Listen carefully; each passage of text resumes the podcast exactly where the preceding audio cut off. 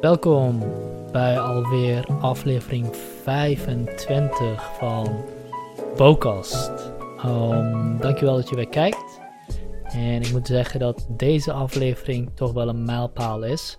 Want deze is opgenomen in de Tweede Kamer. Uh, in de Uilenzaal om specifiek te zijn. En dat is ook wel een beetje vreemd om daar te zijn, want het was uh, ten tijde van de boerenprotest.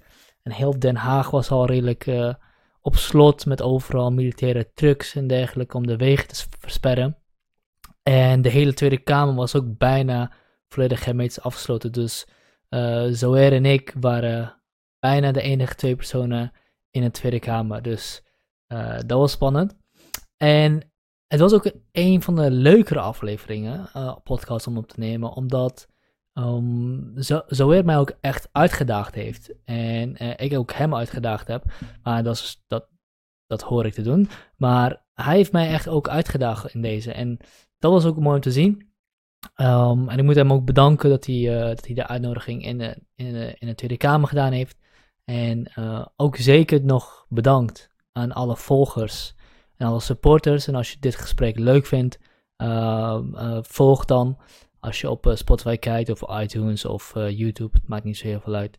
Um, en met Zoer ging het echt heel erg om de liberale samenleving en wat het betekent voor hem om daarnaar te streven. En hij begint het verhaal met een persoonlijk verhaal over zijn vader en hoe dat hem heeft doen geloven in de idealen van het liberalisme en de idealen van je eigen pad bepalen, de regisseur van je eigen leven zijn.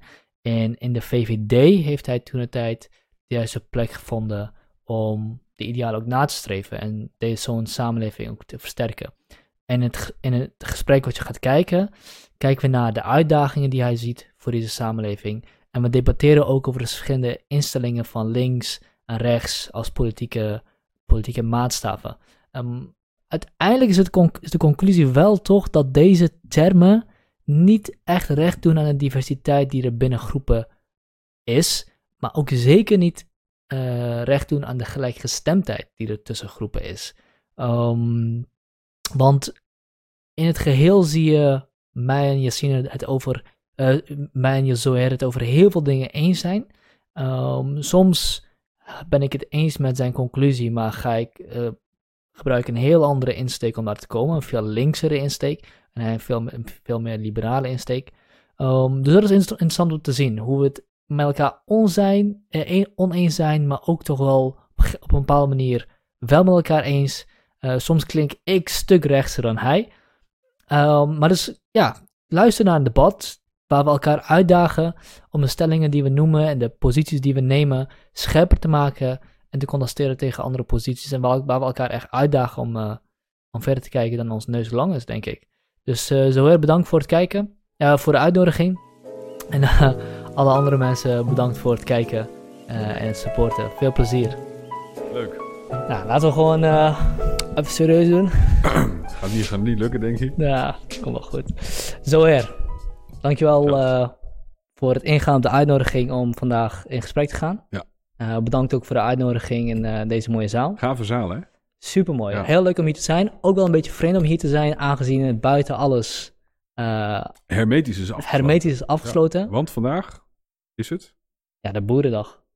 Tenminste, ja. de, de boeren woensdag, willen hè? iets Het gaan is woensdag de 16e en uh, de boeren zijn uh, opgetrokken naar Den Haag. Hè? Dat was vorige week dinsdag hebben we het gehad. En vandaag is die woensdag waarbij ook honderden trekkers en duizenden boeren weer naar, naar Den Haag zijn getrokken. Mm. En alles is nu afgesloten. Dus je bent een van de weinige personen hier in dit gebouw. Nu. Ik kwam, uh, ik kwam speciaal. Ja, hè? Ik kwam al aangelopen hierheen en ik zag uh, militaire trucks. Mhm. Mm -hmm. Ik zag uh, een helikopter. Ik zag enorm veel politie. Mm -hmm. ik dacht, wauw, die boeren hebben ons wel echt op scherp gezet. Ja, en, en ook wel, wel terecht, hè? Ik bedoel, iedereen heeft het nu over de boerenprotest. Maar bij, bij veel boeren is het de druppel die de emmer doet overlopen. Mm -hmm. Maar om dat voor elkaar te krijgen, moet de emmer wel vol zitten. Uh, en we hebben dus de afgelopen, wat is het, twintigtal jaren, hebben wij uh, elke keer weer vanuit de politiek in zijn geheel altijd weer extra regeltjes opgegooid. En ze moeten zich hieraan voldoen en ze moeten daaraan voldoen.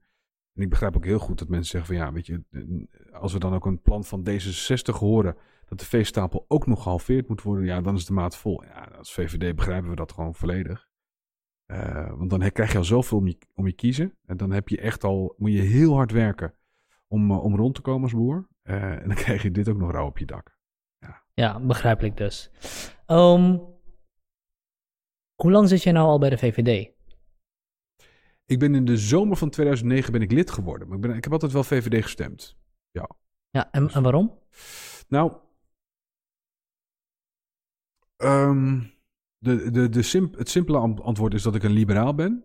Het wat uh, complexere antwoord ligt meer in hetgene wat ik als persoon, maar ook in mijn jeugd heb meegemaakt. Kun je uitleggen wat je verstaat onder, onder liberaal?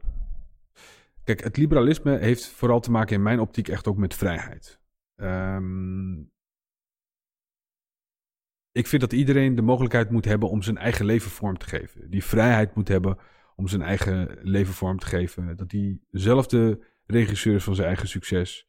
En um, dat hij vooral de overheid nodig heeft om um, uh, te helpen, te ondersteunen, een infrastructuur te bieden. En dan vervolgens dat een persoon zelf zijn leven opbouwt op. Mm -hmm. uh, en niet dat de overheid gaat bepalen wat je eet, wat je drinkt, hoeveel je eet, hoeveel je drinkt, wat je wel of wat je niet rookt. Uh, waar, waar, waar, je wel mag werken, waar je niet mag werken. of je een eigen bedrijf mag beginnen of niet. En als je een eigen bedrijf begint, met wat voor regels je allemaal te maken hebt. Um, een liberaal vindt dat de overheid niet in de weg moet lopen. Uh, en dat doet het helaas soms wel. Dus um, als liberaal ben je dus ook voor, per definitie voor een kleinere overheid? Ja, ik ben voor een efficiëntere overheid. Mm. Uh, kijk, een kleinere overheid. Um, een kleine overheid die zijn taak niet kan uitvoeren. Uh, daar heb ik ook probleem mee. Um, je wilt natuurlijk nadenken over zo'n effectief en efficiënt mogelijke overheid. En het heeft geen zin om uh, werk wat door vijf man gedaan wordt, om dan vervolgens vijf, 25 man in te huren. Mm -hmm. uh, wat we soms wel eens bij de overheid zien. Um, dus ik ben wel voor een efficiënte en effectieve overheid. Of sterker nog, soms zie je overheids- of instanties die gesubsidieerd worden door de overheid, die uh, heel veel moeite hebben met hun geld goed te besteden. Ja, en daar zijn wij als overheid ook gewoon heel, of in ieder geval ook als VVD, want ik kan niet voor alle politieke partijen spreken, maar als VVD zijn we er wel heel scherp op. En dat we zeggen van, joh, we vragen wat aan jullie. We geven jullie daar ook voor geld in de vorm van bekostiging. Maar dan vinden we ook dat je daar ook de verantwoordelijkheid in hebt om dat op een goede manier te doen. Efficiënt, effectief. En dit is geen hobbyisme, want het gaat om belastinggeld. Hè? Ik bedoel, jij en ik betalen allemaal belastinggeld. zijn Nederlanders in Nederland die belastinggeld betalen. En dat is ook goed, want daardoor kunnen we echt ook goede dingen doen. Kunnen we investeren en uh, geld uitgeven als het gaat om zorg, als het gaat om politie, als het gaat om veiligheid. Dat is gewoon heel erg belangrijk. Maar we mogen best ook wel wat vragen aan uh, de instanties en instellingen waar we geld aan geven dat ze daadwerkelijk uh, op de beste manier met het geld omgaan, dat het goed terechtkomt. Ja, nee, uiteraard. Want in principe is het geld wat je uitgeeft of uh, geeft aan een instantie, dat is niks anders dan zuurverdiende uh, arbeid wat iemand geleverd heeft, waar een deel van naar de overheid toe gaat. Ja, en ook nogmaals, goed dat het gebeurt, hè? maar mm-hmm. het is wel wel even, op het moment dat jij je salaris binnenkrijgt, je krijgt je salaarstrookje en je kijkt naar je salaarstrook, is er wel een behoorlijk verschil tussen bruto en netto. En dat hebben we met z'n allen afgesproken, omdat we uh, met z'n allen ook iets willen opbouwen. Omdat je er zelf ook van profiteert, als we mm -hmm. een mooi, goed, sterk land hebben. Um, maar het, het, het, het, het is wel echt geld van mensen wat je volgens gebruikt om daar goede mee, dingen mee te doen. Het is geen hobbyisme. Ja. ja.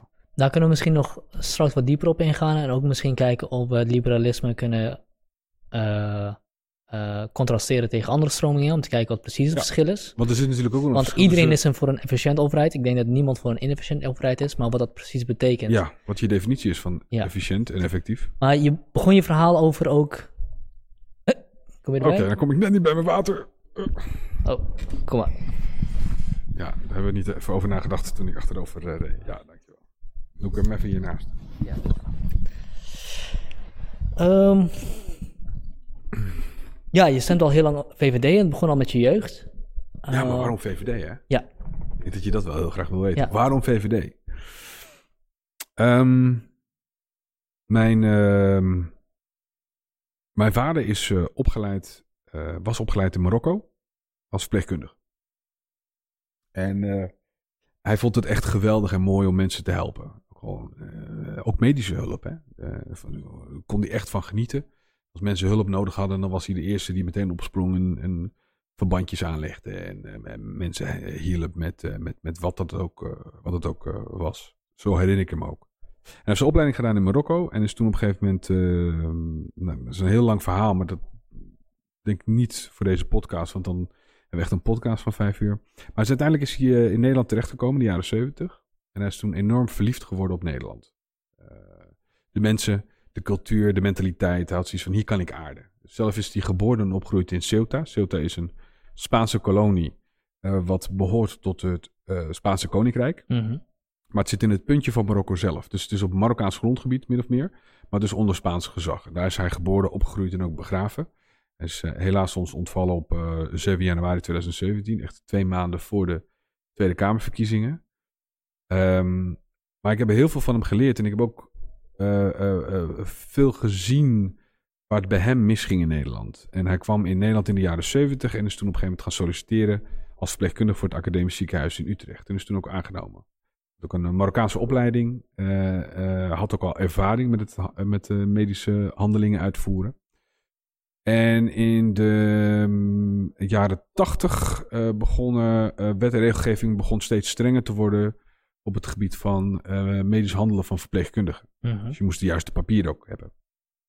En wat bij hem op een gegeven moment ook voorzag, wat, wat, wat, wat je zag, is dat hij steeds minder medische handelingen mocht uitvoeren. Tot het moment dat hij eigenlijk boventallig rondliep.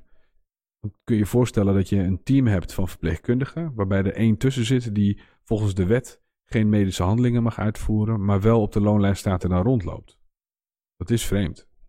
Dat is heel vreemd inderdaad. En weet je ook waar die regeldruk vandaan kwam? Ja, die kwam vanuit Den Haag. Die kwam vanuit Den Haag. En maar ook wel terecht, hè? Ik bedoel, het gaat wel om medische handelingen, dus je wilt niet een onbevoegd en onbekwaam persoon uh, uh, medisch mensen laten, uh, Mhm. laten behandelen. Dat is waarom wij de wet BIG hebben. Um, dat is ook heel belangrijk dat we dat ook registreren. Dat we weten dat mensen die een diploma hebben, daadwerkelijk bevoegd en bekwaam zijn om medische handelingen uit te voeren. Of het nou een dokter is of een verpleegkundige. Dat we dat goed registreren. En daar werd in Nederland werd de wet en regelgeving werd ook wat strenger. Dus hij liep daar boventallig, had een Marokkaanse opleiding, geen Nederlandse. Um, uh, en mocht geen medische handelingen meer uitvoeren. Ja, dan loop je daar een beetje rond om met patiënten te, te, spreken. Dat kost gewoon ook geld, want zijn salaris werd gewoon doorbetaald. Toen hebben ze op een gegeven moment benaderd en hebben gezegd van... Abdel, um, je bent boventallig. We zijn nu ook bezig met een reorganisatie. Uh, want zoals, jullie weten, zoals je weet, het academisch ziekenhuis bestaat niet meer. Hè? Dat zijn medische centra geworden, Mhm. een medisch centrum. Um, en uh, dat was in de jaren tachtig was die eerste golf aan reorganisatie. En toen hebben ze tegen hem gezegd van, nou ja, Abdel, um, ja, je bent boventallig verklaard. Maar aangezien je voor een academisch ziekenhuis werkt, maak je recht op een soort ambtenaren-WW. En dan krijg je dus tot, tot en met je pensioen krijg je gewoon een uitkering. Je hoeft ook niet te solliciteren. Dus je kan gewoon vanaf nu tot, je, tot en met je pensioen en daarna ook uh, zonder te werken gewoon uh, genieten van het leven. Dat klinkt dus hij kreeg goed. in principe een, een vervroegd pensioen. Ja, maar, maar wel ergens op zijn, op zijn half, halverwege zijn veertigste. Ja. Dat is wel bizar. Ben je ongeveer 46. En dan wordt tegen je gezegd van, nou ja, je krijgt een WW-uitkering tot en met je pensioen. En je hoeft nooit meer te solliciteren, je hoeft nooit meer te werken. En En voor iemand die uit Marokko komt, ja, want dat is het. Mijn vader is geboren en opgegroeid eigenlijk in de, in de regio van Marokko. Is opgegroeid in Ceuta, maar die was ook veel in Marokko. Werkte ook over de grens toen de tijd, voordat hij naar Nederland en Europa kwam. Ja, als iemand tegen jou zegt, hier heb je geld, tot en met je pensioen en je hoeft nooit meer te werken. Ja, dan ben je gek als je niet aanneemt. ja, uiteraard.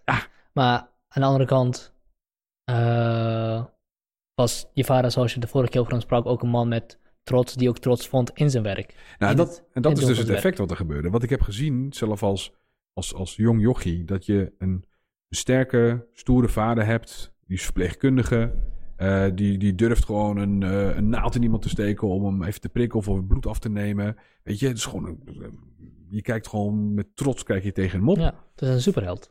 En dat is een man met zingeving. Een man die mensen hielp en daar heel veel voldoening uit haalde. Want het ging niet om het salarisstrookje. Het ging om dat hij zich gewild voelde in de samenleving. En dan zie je zo'n hele grote, sterke, trotse man...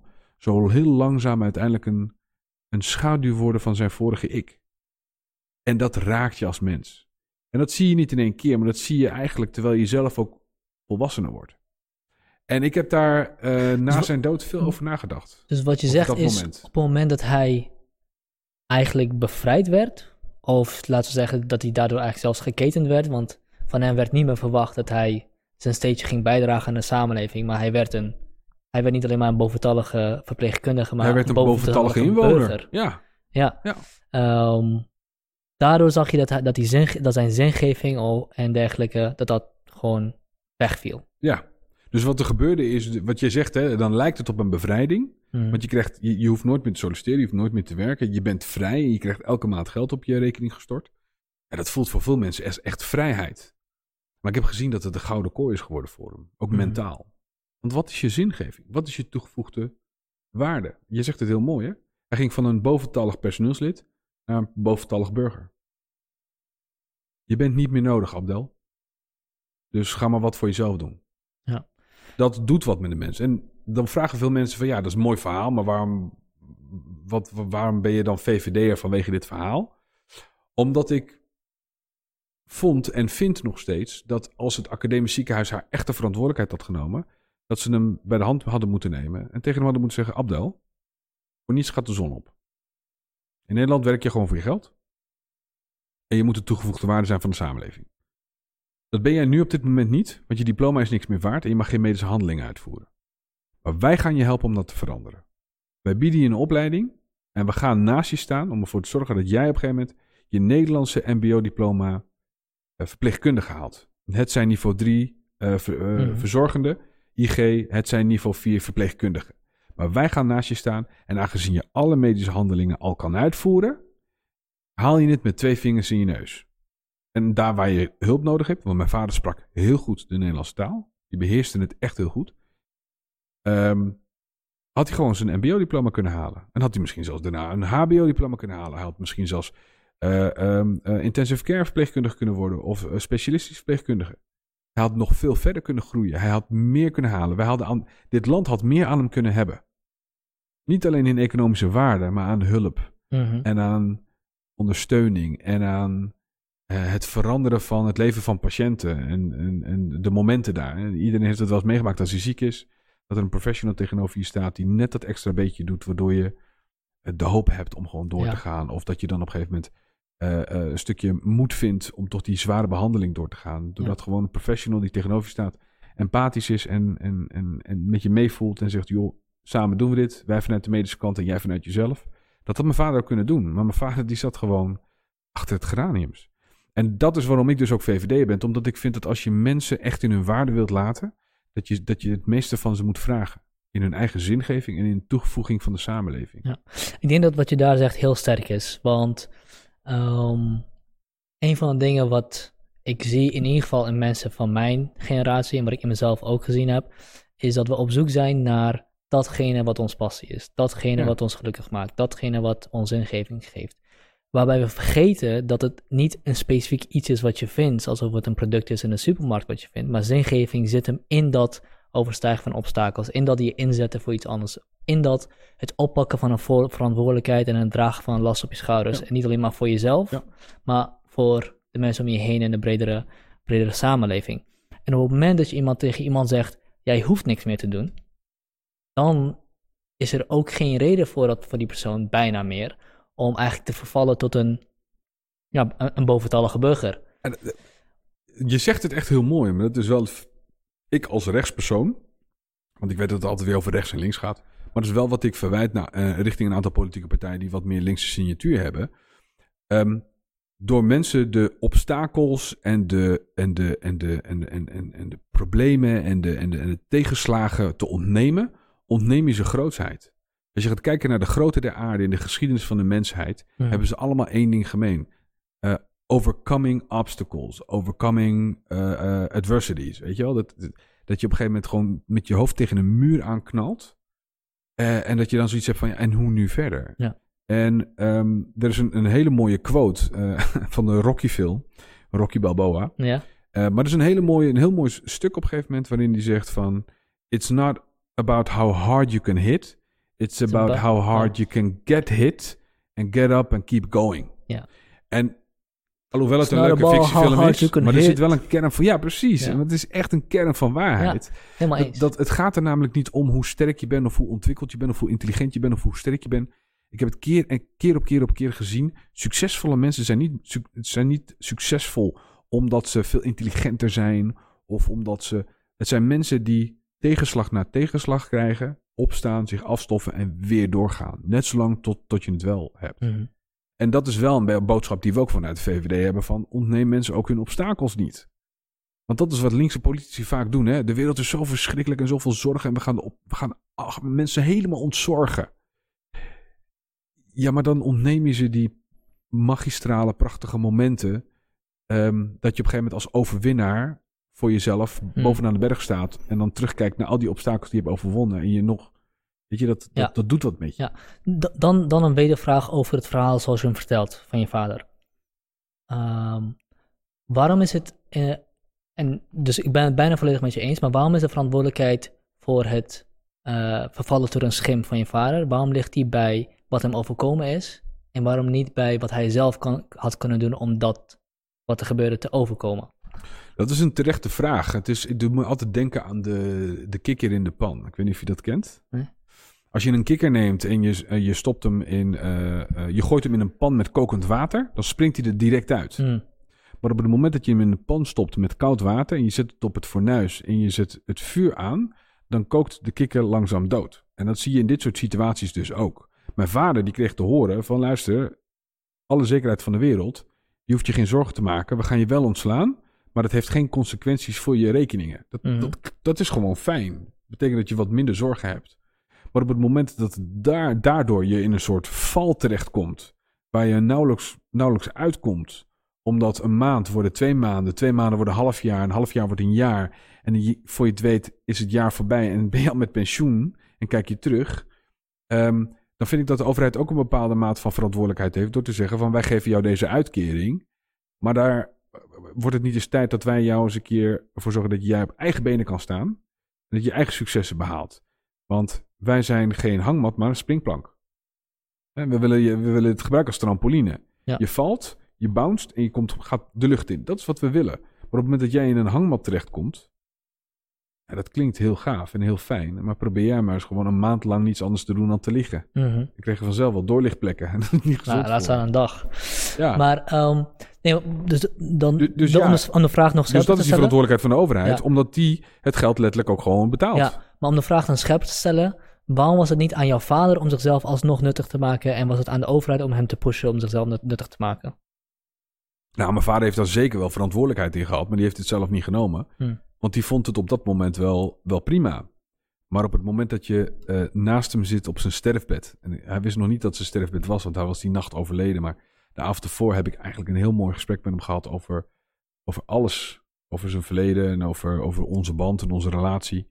En dat bleek uiteindelijk achteraf eh, eh, eh, kijkend, was dat gewoon mijn afscheidsgesprek met hem.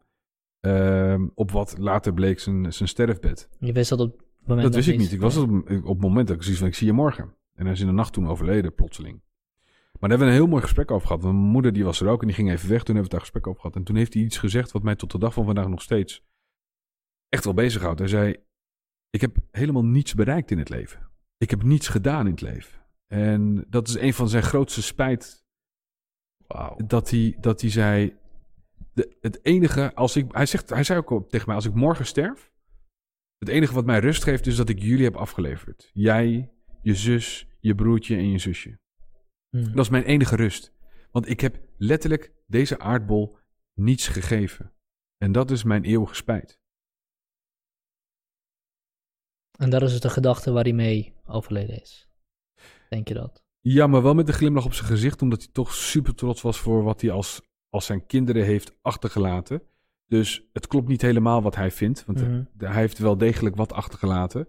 In de vorm van mij en mijn zus en mijn zusje en mijn broertje. Dus, ehm, maar het was wel een heel heftig moment. eh, dat hij zei van, maak niet dezelfde fout die ik heb gemaakt. Eh, en laat een, een erfenis na. Doe iets. Laat iets achter. Ja. Ik, eh, ik herken dat wel. En ik herken dat eigenlijk ook in veel familieleden van mij ook. Die van ergens anders gekomen zijn Ja. en hier, hier, beland, hier beland zijn, hier geaard zijn. Vorige podcast die ik deed was met, eh, met een familie uit Raouf. En die heeft na 22 jaar hier, heeft hij een stabiel inkomen, een, eh, een goede plek voor zijn kinderen en, en, een, en een goed huis. En 22 jaar is geen lange tijd om iets te bereiken. Ja. Maar hij kwam hier wel toen hij 30 was. Ja, Op een 52ste is die op de plek waar je Ja, op je 20, 22ste zou zijn. ja. Dus de achterstand die je loopt door van je, je, je geboorteland hierheen te komen en hier eigenlijk je hele netwerk alles opnieuw op te bouwen, eh, dat heeft enorm veel effect op waar je eindigt in je leven. Ja. Ja, maar vergeet niet dat het ook voor een groot gedeelte te maken heeft met het mentaliteitsverschil. Eh, als het gaat om bijvoorbeeld eh, geboren opgroeien in het, in het buitenland. En dan, dan hebben we even de, de, de, de, de, paar grote landen. Dan hebben we het over Marokko, we hebben het over Turkije en we hebben het over Suriname voor het gemak. Mhm. Daar zit een enorme mentaliteitsverandering. En ik zie het doorcijpelen in de jongeren van tegenwoordig, die vaak ook derde generatie Nederlander zijn. Waarbij hun ouders en grootouders een niet-westerse afkomst hebben. En een voorbeeld daarvan is netwerk. En Mhm. dan heb ik iemand, ik, ik help echt ook, ik heb een lange tijd de MBO-portefeuille gehad en ik heb altijd geprobeerd, doe ik nog steeds trouwens, om jongeren te helpen. Als een mentor, als een sponsor, als iemand die met ze gaat sparren, met ze gaat praten. En dan hebben we heel vaak dat gesprek en dan, en dan wanneer ze voor het eerst binnenkomen, dan zie je ook al een hele grote schifting meteen al aan het begin. Is dat er, eh, er is altijd een groep die binnenkomt zegt, ja meneer El Yassini, ik zou graag een stage willen hebben. Ja, dat snap ik, maar ik, je bent hier niet om, zodat ik een stage voor jou regel. Mhm. Eh, ik, ben, ik ben een start voor jouw netwerk. En wat je dan merkt is dat ze dan totaal niet inzien wat de toegevoegde waarde is van een netwerk en een stage voor mij willen hebben. En als ze die dus niet krijgen, dat ze ook zeggen van ja, maar wat doe ik dan hier bij jou? Mhm. Terwijl, terwijl je letterlijk gewoon een kamerlid hebt die de deuren voor je opent. En ik heb een enorm netwerk die ik voor hun kan openen. Ehm, en dat ze dan zeggen, ja, dan houdt het op, daar heb ik geen zin meer in. Weet je, ik dacht dat jij een stage voor mij ging regelen.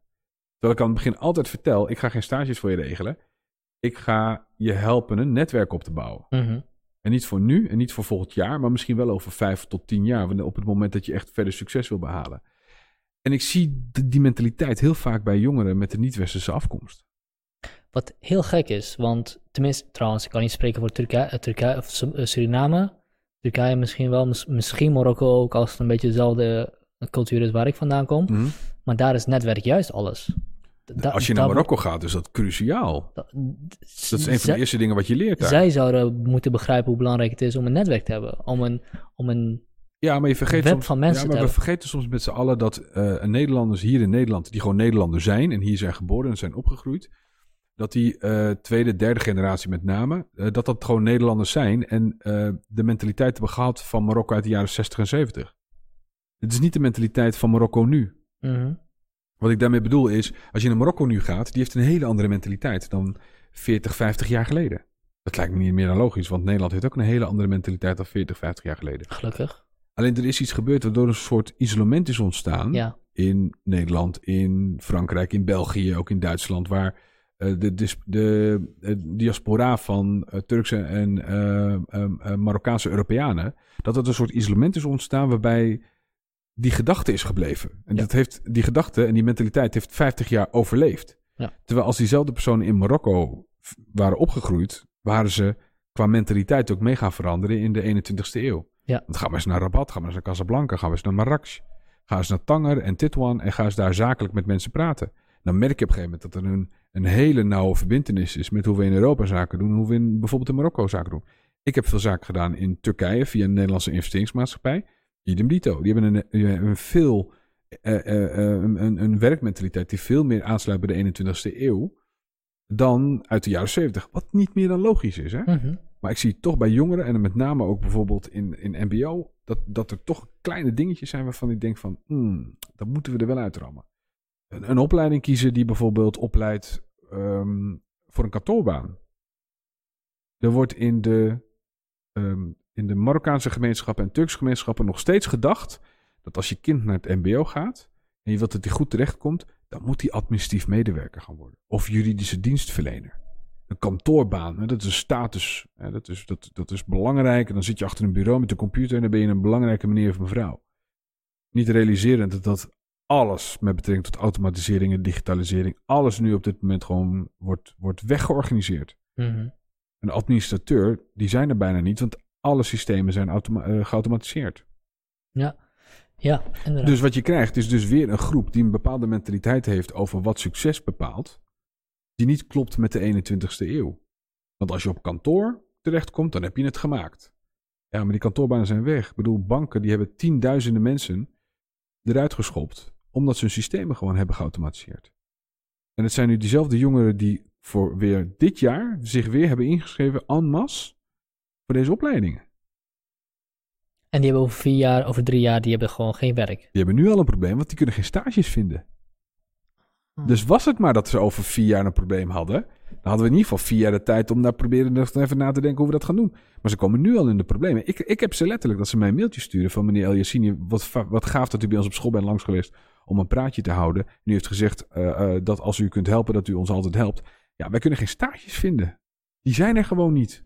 Ja, logisch, want ook de stages zijn weggeautomatiseerd. Dus hoe ga je daar dan mee om? Ja, dan komt ook weer die overheid om de hoek kijken. Die op een gegeven moment ook gewoon tegen scholen moet zeggen: jongens, we moeten ook kijken naar wat ze noemen macro-doelmatigheid. Ben je nou aan het opleiden met het arbeidsmarktperspectief van de toekomst in je achterhoofd? Mhm. Nou, voor administratief medewerker juridische dienstverlener kan je daar nog wel vraagtekens eh, bij stellen. Ja, je, maakt een aantal interessante punten. Eén één is, heel snel, hè, Ja, dat, dat is niet erg. Dat is prima. Eén daarvan is, is het verschil tussen de voortgang en de ontwikkeling, zowel eh, zakelijk als mentaal als ideologisch, van de diaspora en van de mensen in het land van herkomst. Die, het, die, het- die echt nog hun best doen. Hè? Ik bedoel, we scheren altijd iedereen over één kam. Hè? Dus zodra je op een gegeven moment van Marokkaanse origine of Turkse origine bent, iedereen heeft daar wel een mening over. Mhm. Maar de, de, de, de, de, de diversiteit binnen de Marokkaanse gemeenschap is zo gan- gigantisch groot. We hebben, we hebben gewoon Nederlanders, eh, mannen en vrouwen, die gewoon eh, ehm, eh, elke dag vroeg opstaan, hun kinderen naar school brengen, keihard werken, hun best doen. Weet je, die hardwerkende Nederlanders waar, waar wij als VVD het altijd over hebben. Mhm. En we hebben aan de andere kant hebben we ook mensen die eigenlijk zoiets van ja, ik heb geen zin om te participeren in de samenleving. En ik keer mijn rug toe naar de samenleving. En jullie zoeken het allemaal wel maar uit. Mhm. Dus daar zit ook wel een verschil Tuurlijk, in. tuurlijk zit heel veel. Dus- En, en binnen een groep zijn de verschillen bijna altijd groot, groter dan tussen groepen. Ja. Dat is eigenlijk een, eh, een statistische eigenaardigheid. Of ja, ik weet niet of het een eigenaardigheid is, maar het is wel counterintuïtief. Ehm, eh, en het tweede punt wat je ook aan het maken was in je gesprek, of in je, in je verhaal, is dat er heel veel banen waar nu jongeren een opleiding voor volgen, nu al aan het uitgeautomatiseerd zijn, wo- worden.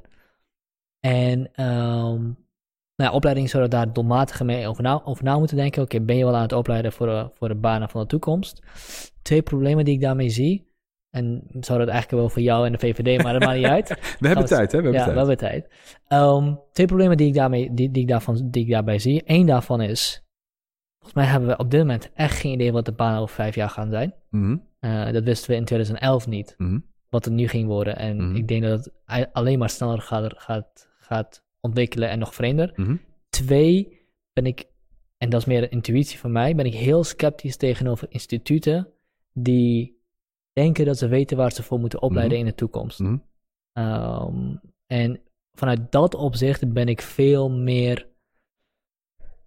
eh gecharmeerd van het idee om mensen te opleiden voor vaardigheden.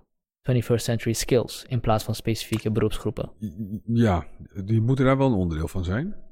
Ehm, kijk, even... o- De, de, De, twee inherent, de, punten- de, even- in- de inherente onvoorspelbaarheid van de toekomst is een probleem bij, bij, bij deze. Ja, maar als iets onzeker is, of als iets onvoorspelbaar is, weet je in ieder geval één ding zeker, is dat het constante niet blijft. Mhm. Toch leiden we op voor het constante. Dat is bij Dus definitie... stel je voor dat wij nou een opleiding zouden hebben voor eh, eh, straatver, eh, straatverlichting eh, aansteker. Ik weet niet precies hoe dat heet, maar dat, vroeger had je dat dan op een gegeven moment dat je van die lantaarnpaals had je dan. Oh, Maar er ja. zat een kaars in. Dat was nog voor elektriciteit. En dan liep dan op een gegeven moment iemand met een, met een ja, wat is het, een, een, een, een vlammetje, liep dan rond en die ging dan op een gegeven moment die lantaarnpaals aansteken. Eén voor één. En dan deed hij het klepje dicht. En dan had je dus lantaarnpaals op basis van olie of op basis van... Maar die moest je fysiek aansteken. Daar leiden wij toch nu niet voor op, Mhm. toch? Nee, Nee. ik hoop het niet. Nee.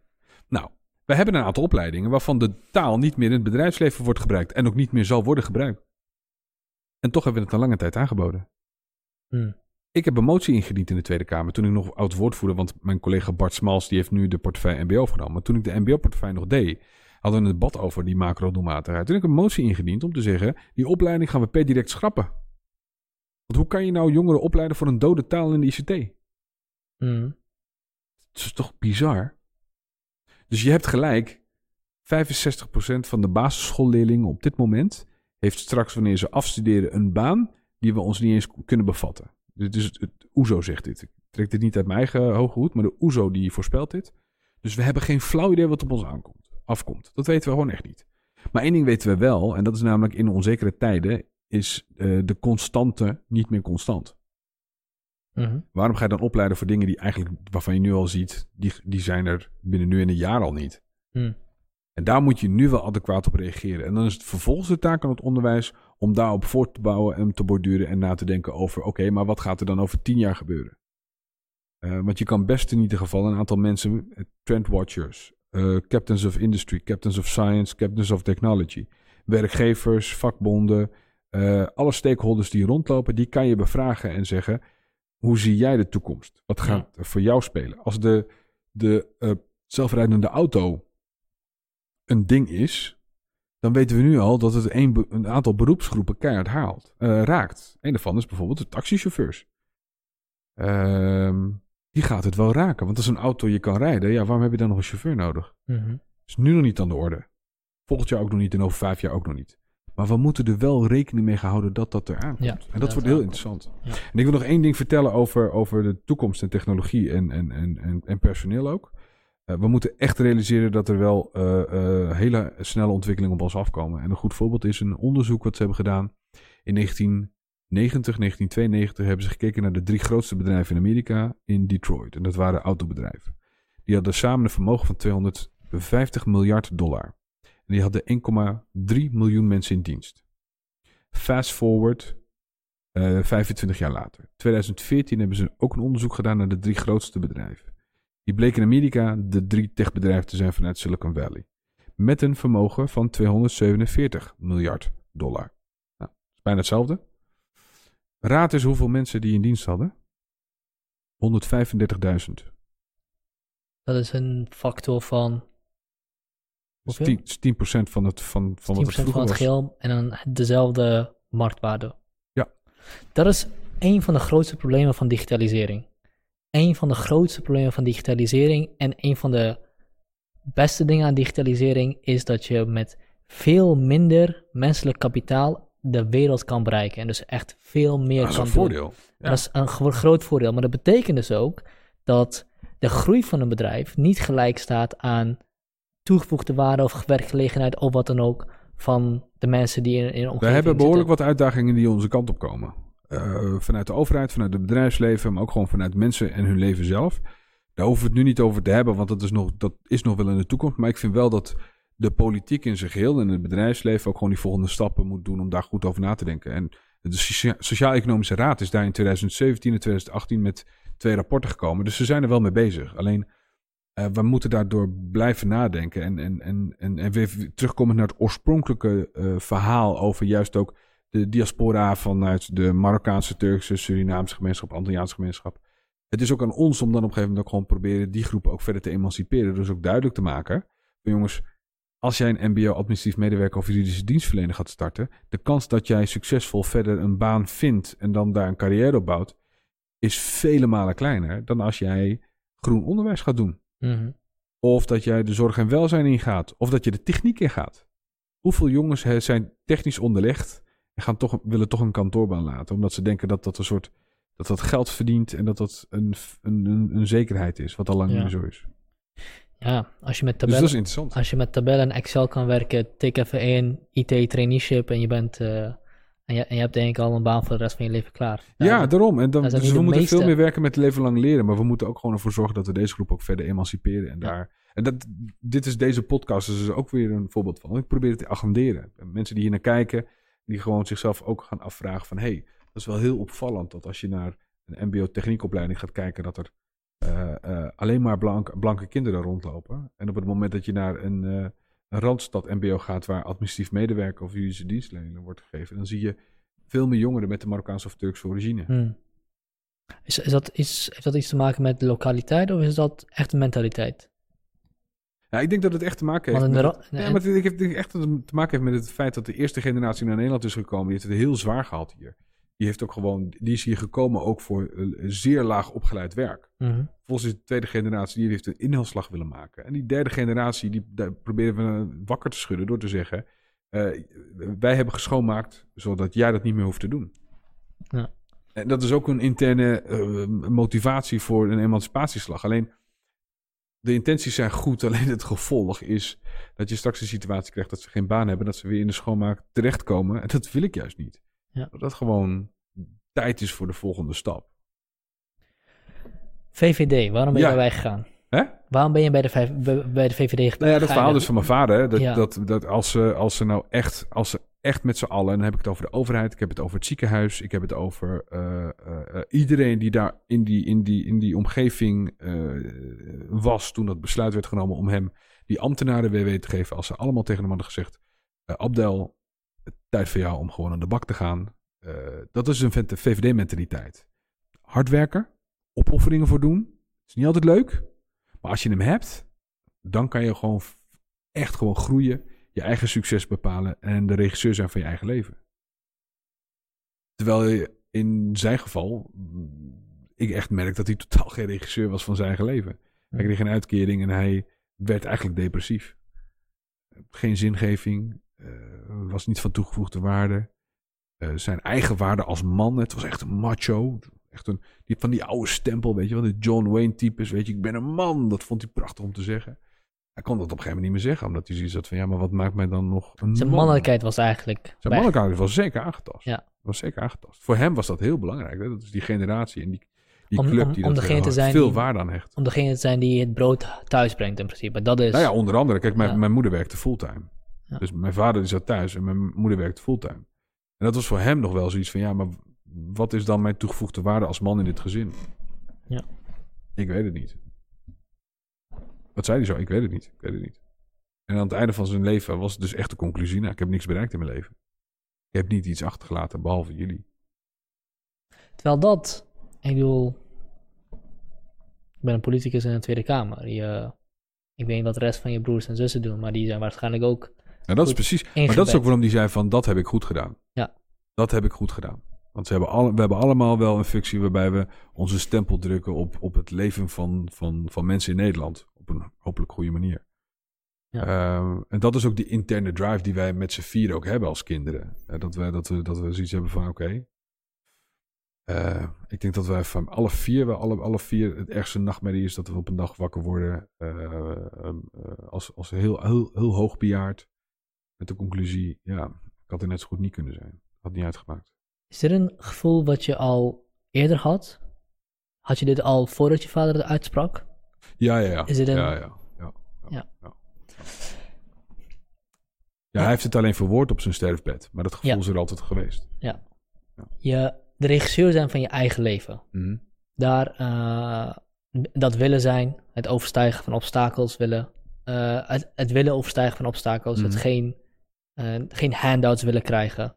eh, Mhm. Het zelf, zelf willen kunnen doen, iets maken, je stempel drukken. Het zijn allemaal termen en uitspraken waar ik me heel sterk in kan vinden. En ehm, ik zie mezelf dus ook, en ik, ik zeg het nou voor de derde keer tegen je volgens mij, maar maakt niet helemaal niet uit. Ik zie mezelf dus ook steeds vaker tegen mijn linkse medegenoten eh, discussiëren, omdat, eh, omdat ehm, niet elke eis die vanuit de overheid op je gelegd wordt, of elke privilege die weggehaald wordt vanuit de overheid, erg hoeft te zijn. Soms is, kan dat juist ook goed zijn. Soms is het ook goed als de overheid wegstapt of een stapje terugneemt. Of Mhm.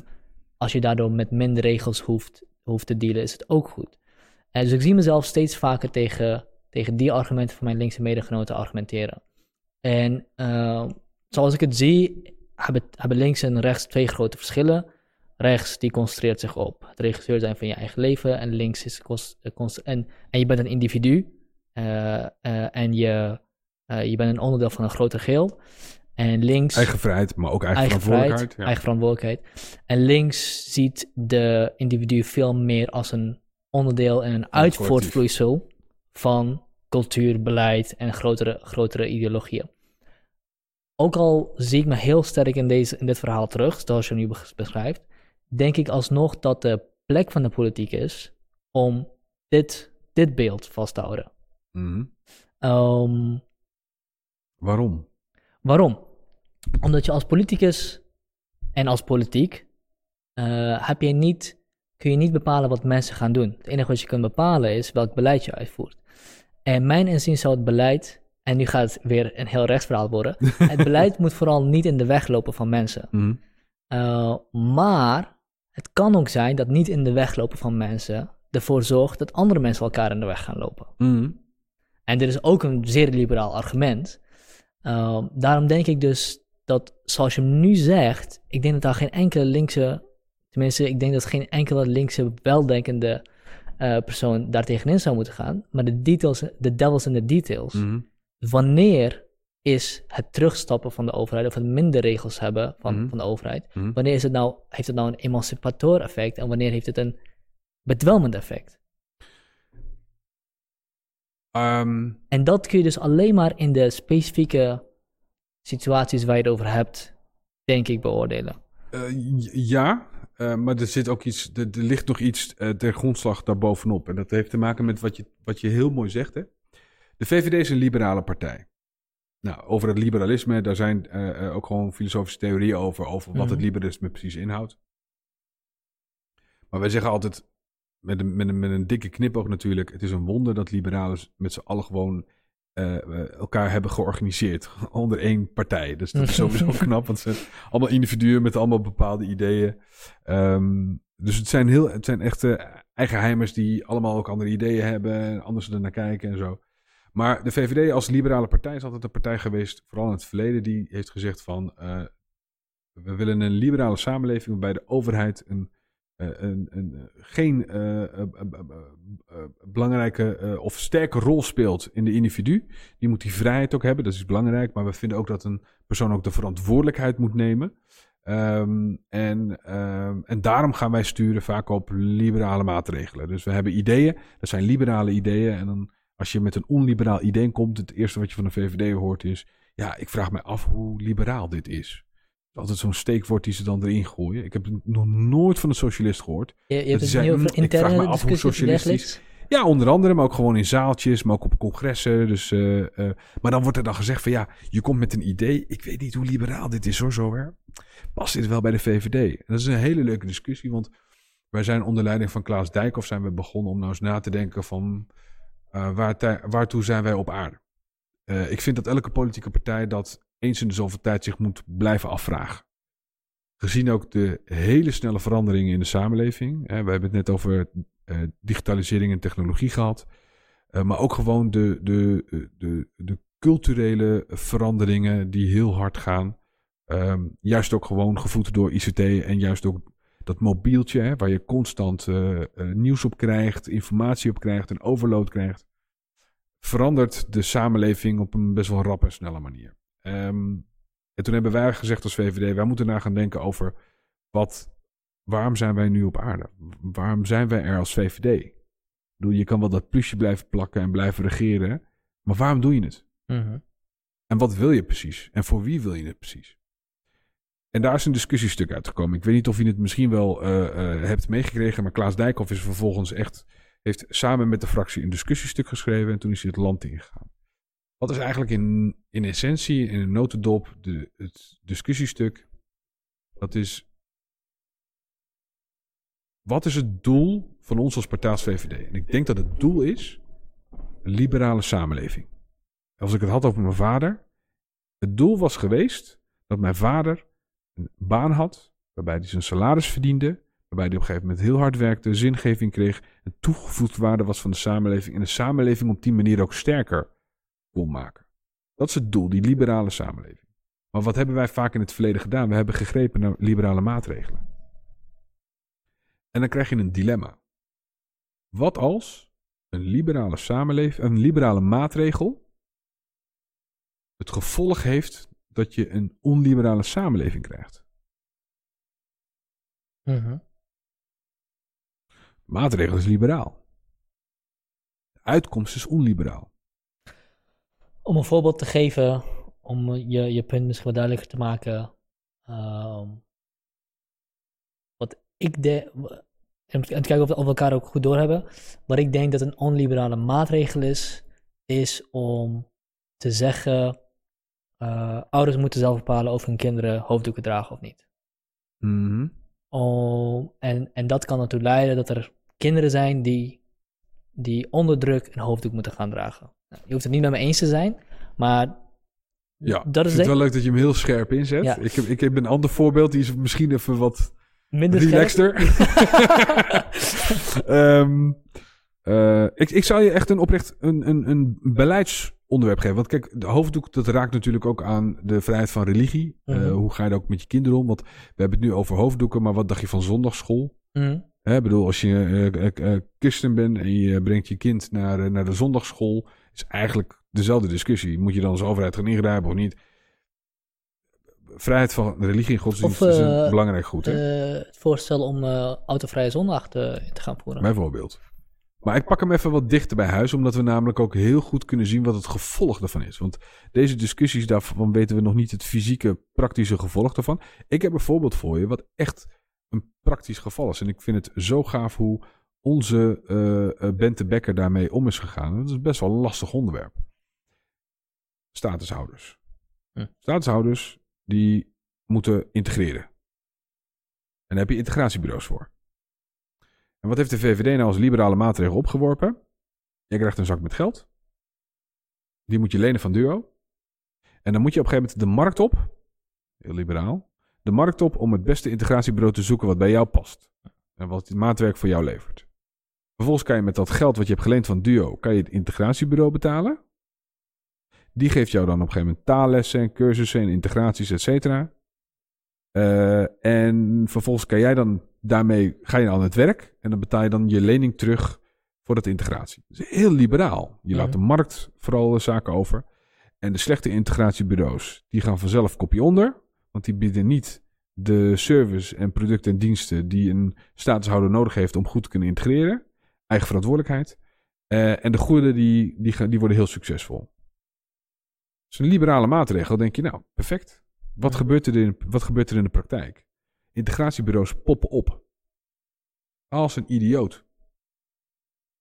En vervolgens gaan ze ook statushouders echt ook eh, eh, werven met bijvoorbeeld een gratis laptop of een gratis iPad.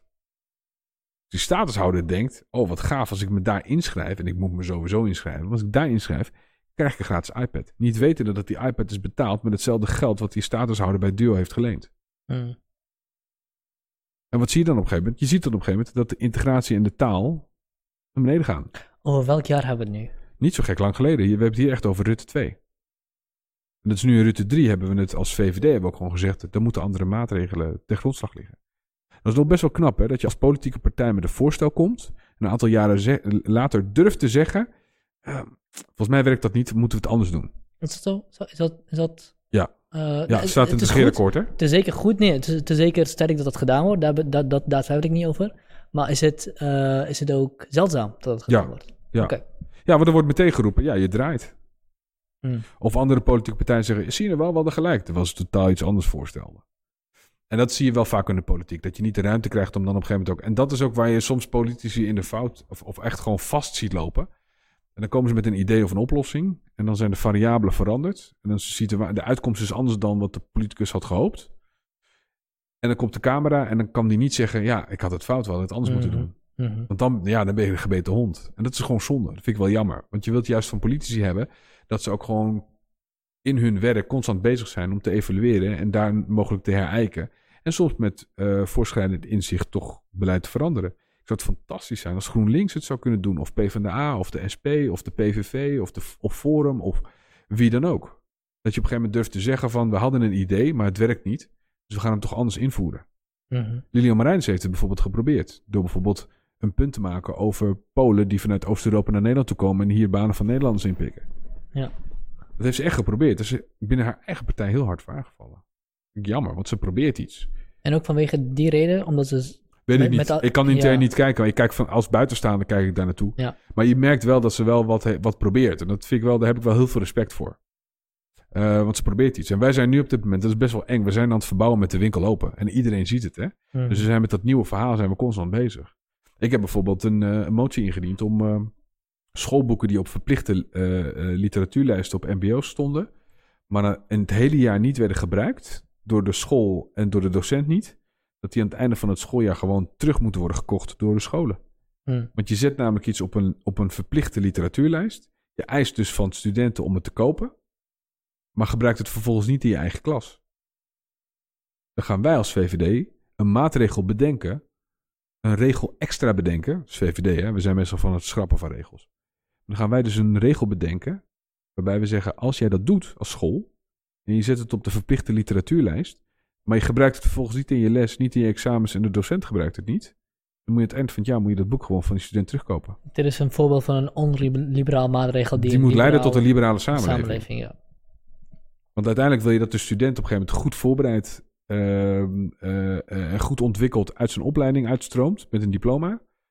Ehm, en dan moet je als school ook gewoon, heb je de verantwoordelijkheid om er goed over na te denken. Maar de school verplicht je ook om iets te kopen, eh, om daar vervolgens niks mee te doen.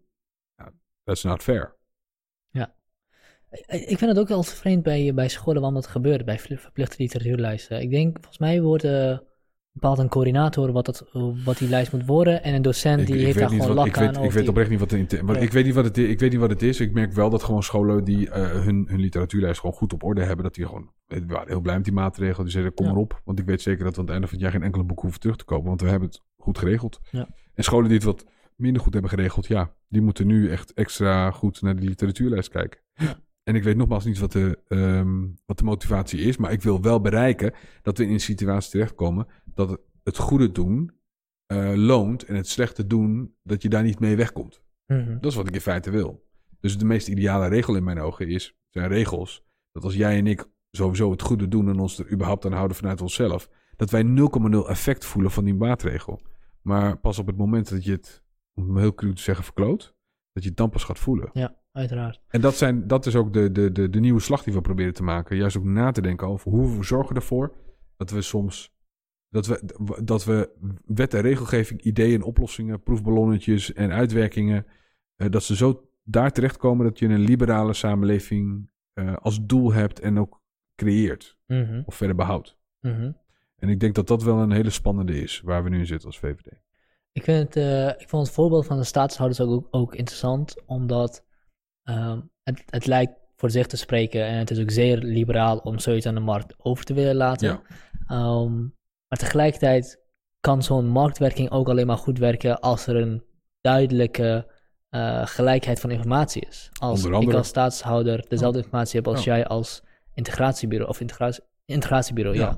Ja. Ehm, en dat lijkt dus dan in dit geval vergeten te zijn. Dat dat ja, niet hetzelfde en, maar vergeet ook niet natuurlijk de negatieve financiële prikkels eh, die, die kunnen ontstaan. Ehm, ja, uiteindelijk als iemand zegt van hé, hey, je kan hier heel veel geld mee verdienen als door een integratiebureau te starten, een paar eh, eh, docenten Nederlands aan te nemen en ze gewoon in de, glas te, in de klas te slingeren en kijken waar het komt. Ehm, ja, er zijn genoeg mensen die dat doen.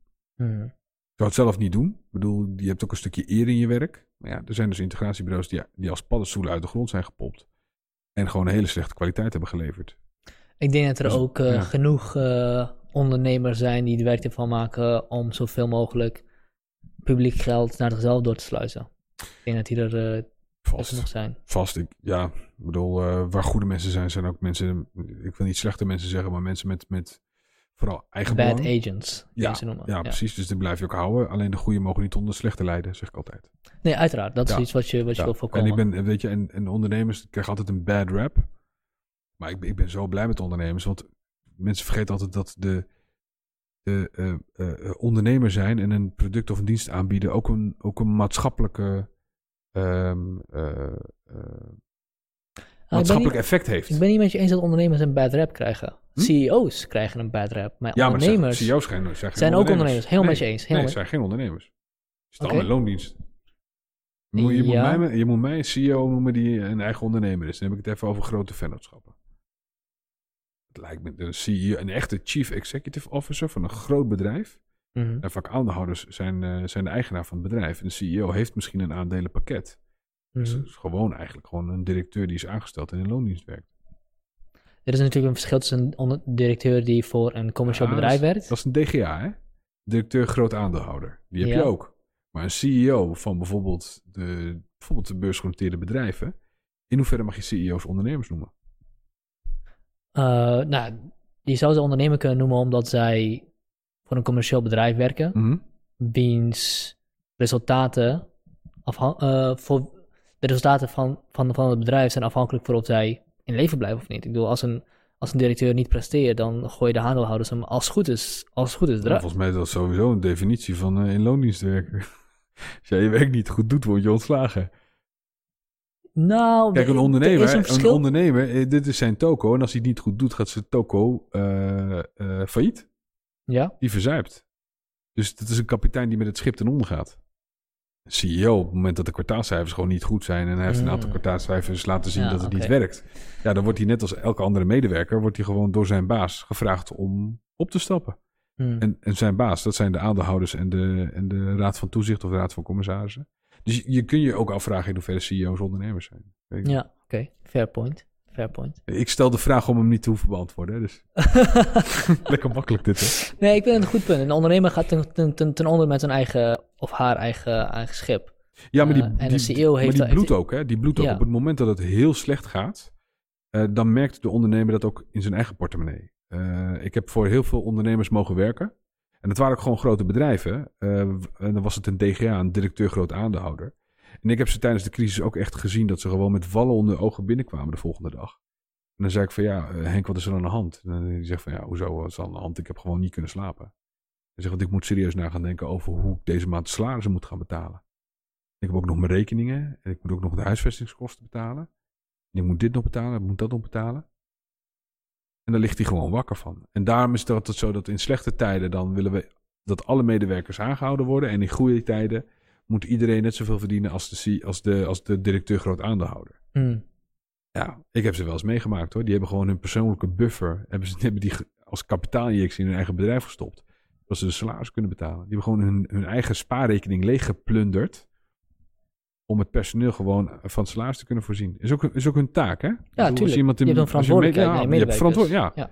Maar als ze dan moeten bloeden tijdens slechte tijden, mogen ze dan niet iets meer hebben Ja. tijdens goede tijden. Dat is een van de dingen waar ik het me meest aan erger.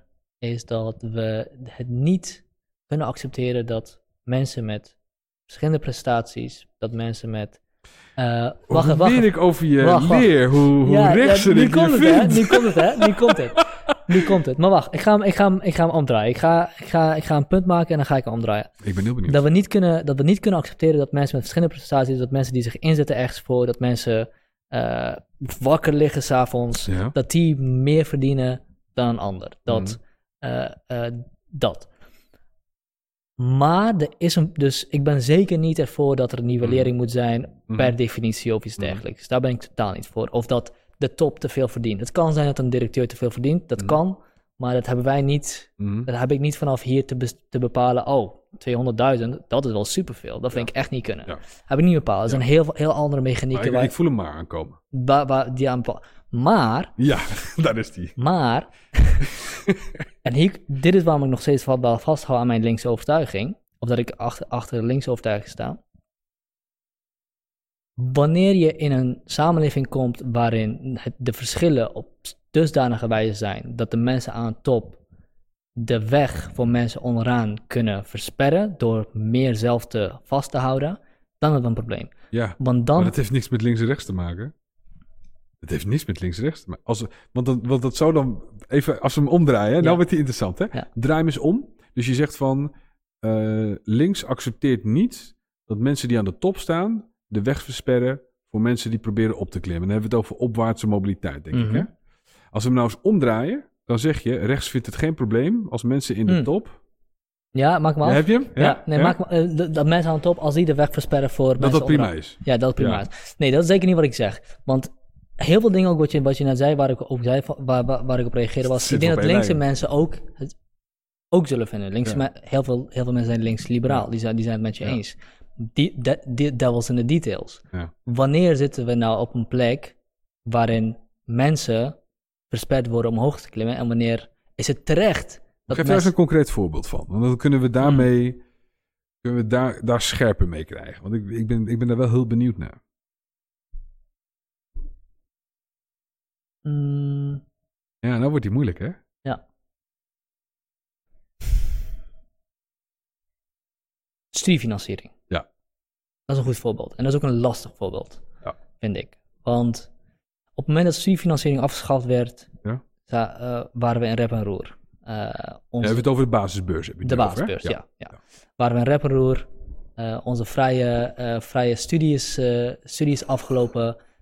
Mensen met lage inkomen zullen niet meer kunnen studeren, want ze zijn bang voor de, voor de, voor de lening en dergelijke. Mhm. En ik ben, het daar niet, ik, ben het niet, ik ben het daar niet mee eens, Mhm. omdat het niet zo is dat studeren makkelijk moet zijn of dat er, dat er geen verantwoordelijkheid of geen gevaar in moet zitten. Maar ik ben het er wel mee eens, omdat daadwerkelijk mensen nu een economische afweging gaan maken of Mhm. hun zelfontwikkeling het waard is of niet. Mhm. En ik weet niet of je dat wil. Ik weet niet of je wil dat mensen hun zelfontwikkeling laten liggen, omdat ze te risicomijdend zijn. Oké, maar wat jij zegt is dat ontwikkeling gelijk staat aan scholing. Nee, nee, dat zeg ik niet. Oké. Dat zeg ik niet. Maar het is wel de Ja, primaire. dat is wel interessant wat je Ja, nee, zegt. maar het is wel de primaire zelfontwikkeling op dit moment waar we mee leven, waar we in zitten, is wel scholing. Primaire manier om jezelf te, te ontwikkelen. De papieren die het meest geaccepteerd worden. En Ja. dit is wel op zijn terugkeer, want er zijn nu heel veel ondernemers, heel veel succesvolle mensen die niet zullen omkijken naar, Ja. naar, naar, naar scholing. Dus ik snap de, wat je wil maken. Ja, precies. Want dat is namelijk wel een hele belangrijke. Omdat je namelijk... ehm, als we het hebben over mbo, hbo, universiteit... ehm, is dan een hbo'er beter dan een mbo'er, bij wijze van spreken. Want dat is dan wel... De, de, als je zegt van de ontwikkeling moet doorgaan via scholing... Scholing is heel belangrijk. Laten we dat even voorop stellen. Mhm. En ik vind het echt belangrijk. En als oud, oud onderwijswoordvoerder zal ik ook altijd eh, eh, ehm, ehm, als ambassadeur voor scholing ehm, eh, echt een punt proberen te maken. En echt ook gewoon de volgende stap in te nemen. Maar misschien valt het je op, ik heb het constant over scholing. Ik heb het niet Mhm. over onderwijs. Onderwijs is namelijk veel breder dan alleen scholing. Een van de mooiste zinnen die ik vind is een, is een Engelse zin. Don't let your schooling get in the way of your education. Ja, wie was dat? Ik, ik ken hem, maar ik weet even niet wie het is. Ja, ik ben hem ook even kwijt. Ja. ben ik ook heel eerlijk in. Ja. Ehm, maar ik vind het wel eentje die wel bij me blijft. En, en als we het hebben over onderwijs, ontwikkeling, scholing. Wij denken nog steeds zo aan de 20ste eeuw, de manier waarop we dat met school doen hè? Mhm. eh, en met onderwijs. Je gaat naar de basisschool, daarna ga je naar het voortgezet onderwijs. Op het voortgezet onderwijs heb je MAVO, HAVO, VWO. Nu is het VMBO, HAVO, VWO. Dan ga je op een gegeven moment, als je VMBO doet, ga je naar het MBO toe. Als je HAVO doet, kan je naar de HBO of je kan dan naar de VWO toe. En je kan dan op een gegeven moment universiteit gaan doen. Zo heb je verschillende mogelijkheden om te stapelen. Want je kan als VMBO ook HAVO gaan doen en dan VWO en dan door naar de universiteit. Die mogelijkheden zijn er nog steeds. Maar dan is het in feite basisschool, voortgezet onderwijs, vervolgopleiding, werken. Mhm. Tot je pensioen of je dood. Maar die situatie die, die is helemaal niet meer van toepassing tegenwoordig. Want wat als je je basisonderwijs doet, je voortgezet onderwijs, en je doet in ieder geval je startkwalificatie. Je kan op een gegeven moment, nou, als je je startkwalificatie hebt gehaald, en dat is bijvoorbeeld ook HAVO, kan je bijvoorbeeld twee jaar gaan reizen of je kan twee jaar gaan werken. Dan ga je daarna je HBO-diploma doen. Of je zegt, eh, nee, ik doe mijn MBO-diploma en ik ga de komende tien jaar werken. En na tien jaar doe ik een HBO-diploma. Mijn broertje doet dat. Mhm. Die doet nu een HBO-diploma. 15 jaar na dato, nadat hij zijn MBO-diploma heeft gehaald. Dat is fantastisch. Dus het lijkt alsof wij op een gegeven moment zeggen van, omdat mensen dus niet rechtstreeks in hun jeugd gaan studeren, Mhm. dat ze dan minder waard zijn of een achterstand hebben of wat dan ook. Dat is niet waar. Ehm, wat wij denk ik moeten doen in de samenleving is dat we heel duidelijk moeten maken aan mensen dat als je in het hoger onderwijs wil gaan studeren, dat dat een investering is in jezelf. Mhm. En dat betekent dus dat je voor jezelf ook moet gaan nadenken van hoeveel wil ik in mezelf investeren. Ik zie ook niet dat mensen op een gegeven moment zeggen van ja, even los van de huizenmarkt, hè, maar een huis kopen doe je ook door een hypotheek te nemen. Mhm. Dat is ook een stukje investeren in je eigen welzijn. Want je hebt een dak boven je hoofd van een huis waar je je heerlijk thuis voelt. En misschien als je een huis koopt, een stukje vermogenopbouwing. Wat je Mhm. doet. Dat doe je met een hypothecaire lening. Dus leningen zijn niet het probleem. Je moet alleen slimme leningen doen. Ik vind een, een lening om je te investeren in je opleiding, in je ontwikkeling, in je scholing. een hele slimme zet. Maar er zit even wat anders ten grondslag. En ik wil niet voor de voeten lopen van mijn onderwijswoordvoerder. Maar heel veel mensen vergeten dat de basisbeurs, dat je daar gewoon geld kon lenen. Ja, Want hoeveel kreeg je voor de basisbeurs? Weet je dat nog? Uitwonend, thuiswonend? volgens mij kreeg ik iets van 600 euro of zo. 400 Nee, dan heb je geld bijgeleend.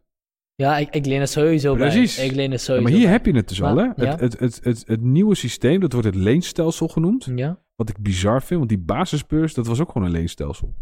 Want je hebt waarschijnlijk een uitwonende beurs gehad van 320 euro.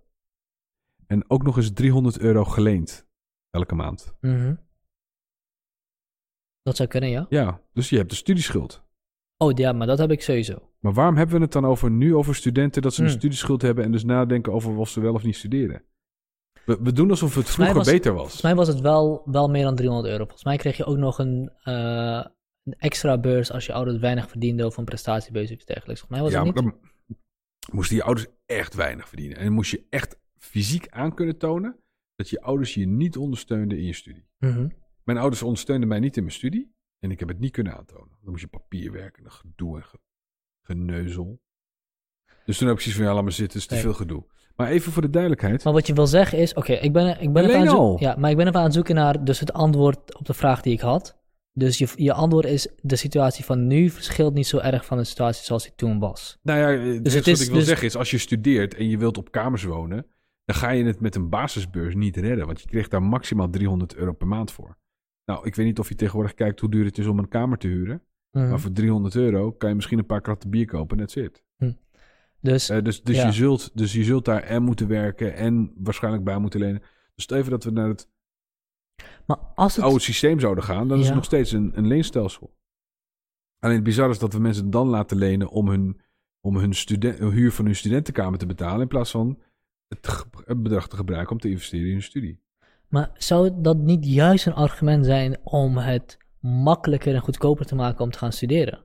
Als het leven en maar het leg, huren leg zo me even uit waarom het goedkoper zou zijn met dit stelsel. Met- Zoals het nu is of zoals die eer was? Omdat je minder leent. Je hebt een kleinere schuld. Ja, maar eh, op het moment dat jij een succes hebt behaald in het oude stelsel, Ja? Dan gaat het van je belasting af wanneer je gaat werken. Ja, daar houden mensen geen rekening mee. Want als je, het- je maakt het niet gratis, je laat de overheid het betalen. Dat is wat veel mensen niet begrijpen. Ja, oké. het is, er, is- voor niets komt de zon op. Hè. Alles moet een keer betaald worden. Alleen in de situatie waar goed, linkse partijen zijn- over praten. Maar we zijn nou niet minder belasting gaan betalen omdat we geen basisbeurs meer hebben. Of, of nee, wel? maar het geld wordt wel op een andere manier ingevuld. Dus op het moment dat je dat doet, betekent dat je een deel van de rijksbegroting gebruikt. Voor precies dit verhaal. In plaats van dat je bijvoorbeeld stopt in eh, docenten, in eh, eh, wetenschappelijk onderzoek, in innovatie, noem het allemaal op. Dus het is geld wat je gebruikt, wat je eigenlijk had kunnen gebruiken voor een ander onderwerp binnen je rijksbegroting. Mhm. Dat is een consequentie, hè? Ja. Kost behoorlijk wat geld om het te doen. We zijn heel erg op dit specifieke voorbeeld ingeduik, ingedoken. Ik weet niet of ik dat wilde, maar interessant. maar goed, je- je- maar je vroeg je erom. Maar Je als ik- vroeg erom. ja, Dat kun je ook krijgen. ja, dat kan je wel krijgen ook. Nee, maar ik, moet, ik, ik vind het grappig, want ik heb je nou een paar keer mogen spreken. Eh, dit is, we doen nu de podcast, maar we hebben elkaar ervoor natuurlijk ook wel gesproken. En wat ik wel echt heel grappig vind, en dat is iets wat, en daar wil ik het eigenlijk ook wel met je over hebben. Ja. Dat is iets wat ik heel vaak merk en zie, is dat als je aan mensen vraagt, ik heb dat wel eens, en dan spreek ik mensen en dan zeggen ze, ja, ik ben het ook helemaal met je eens. En we zitten op één lijn en het klopt helemaal.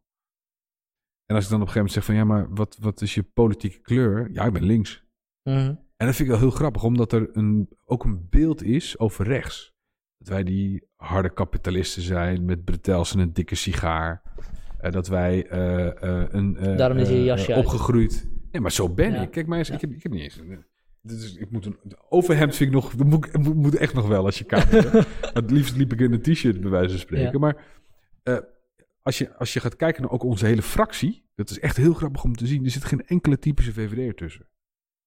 Klaas Dijkhoff loopt inderdaad in, eh, in een giletje. Hartstikke leuk. En eh, die heeft een driedelig pak. Maar ga eens vijf minuten met hem een, een, een kop koffie doen of een biertje drinken. En je lacht je Mhm. helemaal slap dat het zo'n atypische VVD is. En ik moet de eerste typische VVD in onze fractie moet ik nog, moet ik nog vinden. Dus het beeld wat er is over de VVD ten opzichte van de realiteit is totaal verschillend. Dat is wel Mhm. heel grappig. En ik ben daar een goed voorbeeld van. Ik ben hier geboren en opgegroeid, maar ik ben van Marokkaanse origine. Opgegroeid in de achterstandswijk. Hard knock life. Ik heb mezelf opgeklommen in de samenleving. En ik, sta, ik zit nu voor de VVD, zit ik in, in de Tweede Kamer. Dus die VVD is helemaal niet zo dat, dat pretels, dikke sigaar, ar, meneer de Vergezet. Die tijden zijn al lang voorbij. Wij zijn gewoon normale mensen uit het volk, die gewoon ook gewoon nog steeds als Kamerlid knetterhard werken, Maar gewoon voordat we Kamerlid werden, ook gewoon een normaal leven hadden. Elke dag opstonden, onze kids naar school brachten. Op een gegeven moment super vroeg in die trein zaten, of in die bus, of in die auto op weg naar werk. Weet je, Eh, thuiskomend, weet je, de kids ophalen, koken, samen met z'n allen voor de tv. We're ordinary people. Mhm. Allemaal stuk voor stuk, één voor één. Dat wordt nog wel eens vergeten. En op het moment dat je dan op een gegeven moment echt gaat praten, dan, dan zie je dat eigenlijk rechts en links niet meer bestaat. Want ja, ik ben gewoon een normale jongen. Ik ben liberaal, maar ik ben ook progressief. Ik probeer na te denken over hoe we Nederland mooier en beter kunnen maken. Ik ben bereid om soms harde maatregelen te nemen. Ehm, maar ik vind wel, en dat geloof ik, en dat, daar ben jij het met mij eens, in die core values, in echt die waarden, dat mensen voor zichzelf op eigen benen moeten kunnen staan. Hun eigen zingeving kunnen krijgen. En 0,0 afhankelijk moeten zijn van de overheid. Mhm. ik, ik droom van een wereld waar we geen uitkeringen meer nodig hebben. Dat we met z'n allen zelf hebben geregeld. Hmm. Het is een Ja. utopie, maar Uiteraard, dat wil je hoe geweldig zou het zijn op het moment dat iedereen met z'n allen gewoon de schouders eronder zet. Dat we elkaar kunnen helpen en dat we de overheid niet nodig hebben. Ja. Dat de overheid eigenlijk gewoon bezig is met die, die, die, de infrastructuur en de basisvoorzieningen en de support. Ja. Maar dat mensen gewoon zelf met z'n allen kijken van wat hebben we met z'n allen nodig in de community zijn. Ja. Ik denk dat jij het daarmee eens bent. Alleen het is voor jou heel moeilijk om dan te zeggen, ja, misschien ga ik wel VVD stemmen. Terwijl je het met bijna alles Hey. met mij eens bent. Hey, nee, maar daar ben ik het helemaal met je eens. Kijk, dit laatste punt wat je nu maakt, helemaal sterk. Want ik ben ooit, kijk, ik denk dat we over het algemeen met de meeste dingen het met elkaar op eens zijn. De meeste van Ik ons. moet echt nog zoeken waar we het niet mee met wacht elkaar even, eens zijn. wacht even, wacht even. Eh, met de meeste de- dingen met elkaar eens zijn. Eh, we willen, ik denk dat niemand zegt, niemand zal zeggen, ja, het lijkt me echt een goed idee als er steeds meer mensen eh, aan, aan de uitkering zitten. Ik denk dat iedereen zal zeggen, het is beter om niemand aan de uitkering te hebben dan dat iedereen aan de uitkering zit. Ja, maar wacht even. Dan ga ik je even Maar- onderbreken. Makkelijk zeggen, maar dan maatregelen. Dat is wat ik in de politiek zie, hè? Ja. Iedereen heeft er de mond van vol. Maar als er zware maatregelen moeten worden gedaan, of moeten worden ingezet, dan zie ik op een gegeven moment iedereen achter zijn oor krabben en denken: ja, dat gaat ons toch wel echt wel een brug te ver. Ik heb vaak genoeg meegemaakt dat ik initiatieven indiende die echt wel knetterhard waren, maar nodig zijn om datgene wat wij allemaal vinden, om dat voor elkaar te boksen. Mhm. En dan zie je op een gegeven moment dat mensen dan toch wel zoiets hebben van ja, dit- wow, dit gaat wel heel ver. Dus ja, je hebt gelijk. Als je eh, eh, eh, allemaal politici van allemaal verschillende politieke partijen in één kamer zitten, dan komen we er vervolgens mondeling wel redelijk uit over wat wij vinden. Hè? Van ja, nee, maar niemand zou toch arm moeten zijn en niemand zou toch zomaar grote schulden moeten hebben en niemand zou maar een uitkering moeten hebben. Maar op het moment dat, dat de oplossingen op tafel komen, die best wel vergaand zijn, ja. dan zie je op een gegeven moment mensen ongemakkelijk worden. Maar dan zijn we het vaak over, oneens over de oplossing. Of we zijn het misschien op een dieper niveau oneens over, Ik durf dat te betwijfelen bij, bij jou en mij. bij jou en mij bedoel je? Ja. Ik daag je uit om een punt eruit te halen waarvan jij weet dat is een onoverkomelijk, onoverkomelijk verschil tussen jou en mij. Nou, maar ik, het, het- En, als, en als het je niet lukt, vind ik dat je de volgende verkiezingen VVD moet oh, stemmen. nee, nee, Zo- zulke dingen gaan we niet doen. Zulke dingen gaan we niet doen. Ik, ik, ik, ik ga je eerst even gelijk geven. Ik ga je, Sorry, ik plaag je. ik ga je eerst gelijk geven en daarna ga ik tegen je in. Ik heb gemerkt dat de afgelopen jaren dat mijn stemgedrag meer afhangt van intuïtie Mhm. dan daadwerkelijk onderzoek. Mhm, En ik denk dat de meeste mensen dat hebben. Mhm. Ik denk dat bijna iedereen dat heeft. mhm. Ik denk dat zeker nog, ik denk dat de meeste mensen misschien ergens diep liggend ook in jou, je eerst een intuïtie hebt en daarna reden gaat zoeken of je die intuïtie kan, Mhm. eh, eh, kan, kan. Sommige mensen zullen het willen rationaliseren en sommige mensen zullen iets ja, je dieper bent vooral gaan. bezig om je gevoel met feiten te ondersteunen. Hopelijk, Ja. hopelijk. Of je bent bezig met het echt goed te praten. Dat kan Ja, ook. precies. Dat Ja, kan ook. precies. En dat is, soms is dat moeilijk om te, om te onderscheiden van elkaar. Ja. Dus, dus, ik ben wel tot de, tot de, eh, tot de veronderstelling gekomen dat, eh, dat mijn keuze voor linkse partijen zoals GroenLinks, PvdA, zelfs een keer Partij voor de Dieren, Mhm. eh, niet berust is op feitelijke, op volledig feitelijke Mhm. transparantie. Mhm. Meer be- be- eh, gericht is op gevoel en intuïtie. Hoeft niet per se erg te zijn. Ehm, maar terugkomend op, op, op wat ik eerst zei, ik sta meer achter het idee van onzorgen van personen Mhm.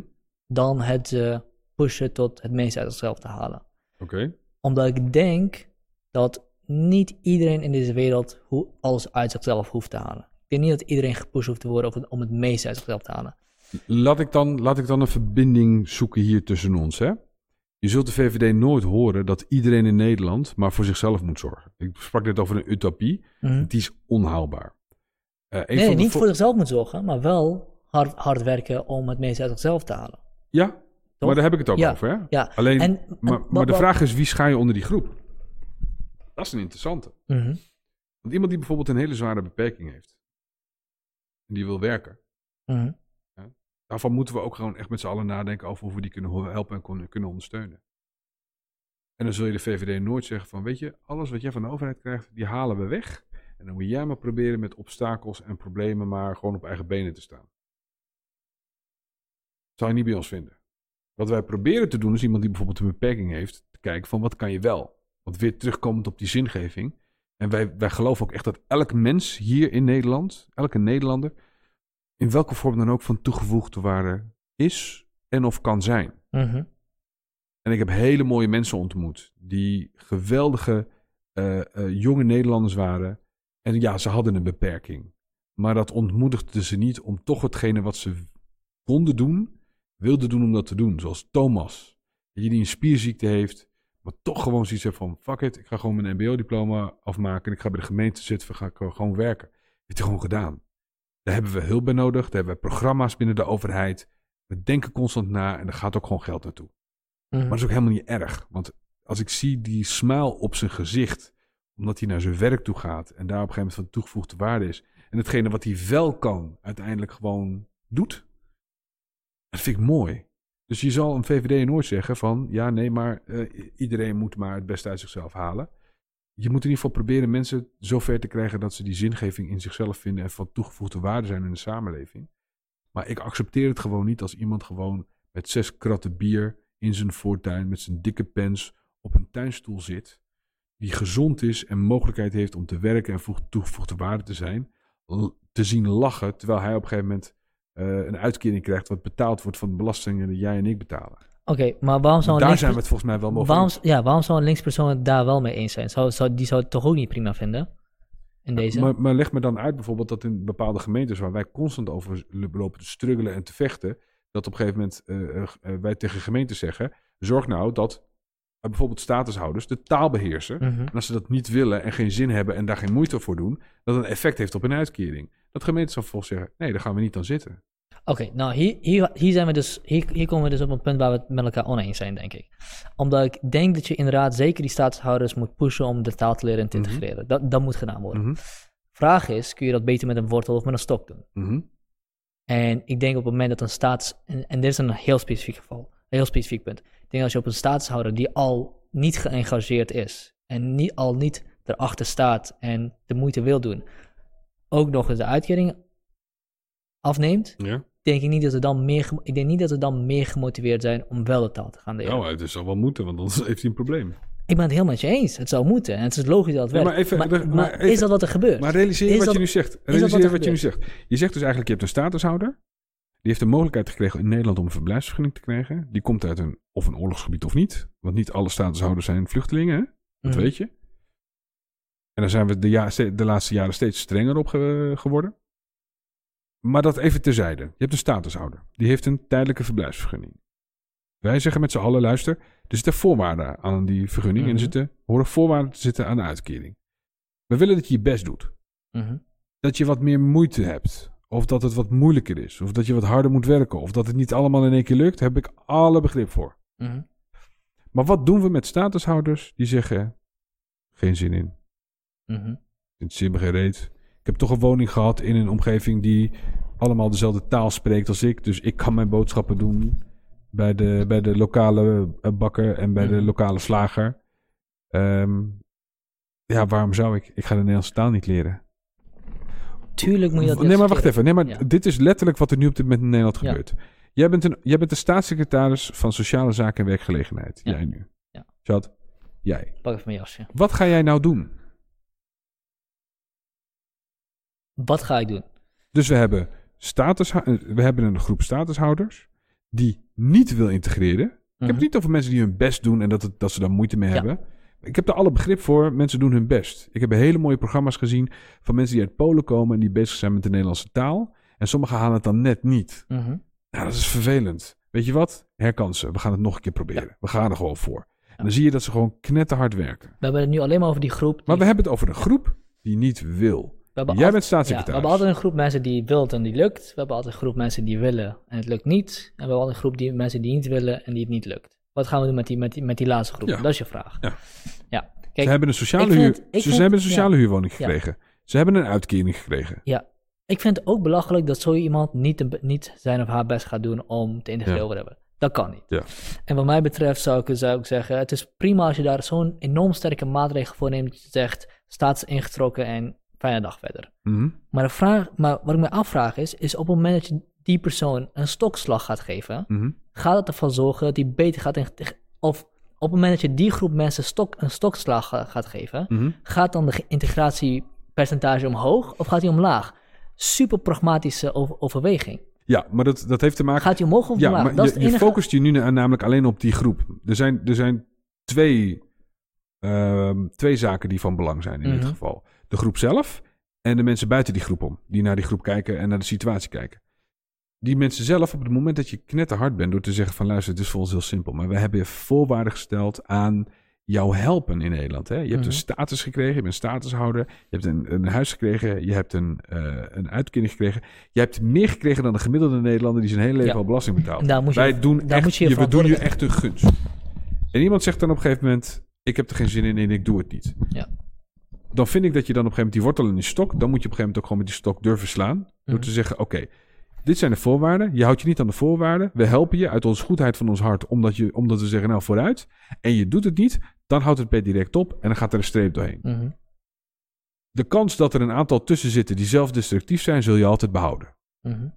Maar het is wel een keuze die ze zelf hebben gemaakt. Even over het liberalisme gesproken. Mhm. Dus je kiest ervoor in een benarde situatie te komen. Want je had de keuze harder gaan werken en werken aan je integratie. Of toch wel accepteren dat een, dat een, eh, dat een eh, uitkering wordt gekort.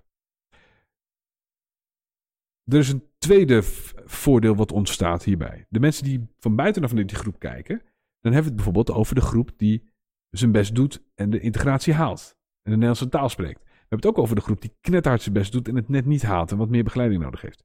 Hoe zouden die twee, groot, die, die twee groepen reageren als je de derde groep niet aanpakt? Mhm. Dat is niet eerlijk. Mhm. Ik heb heel hard gewerkt. Ik heb mijn best gedaan. Maar klaarblijkelijk in dit land, als je je best doet, maakt het niet uit. Want als je niet je best doet en je doet het niet, dan krijg je ook precies wat ik nu heb. Mhm.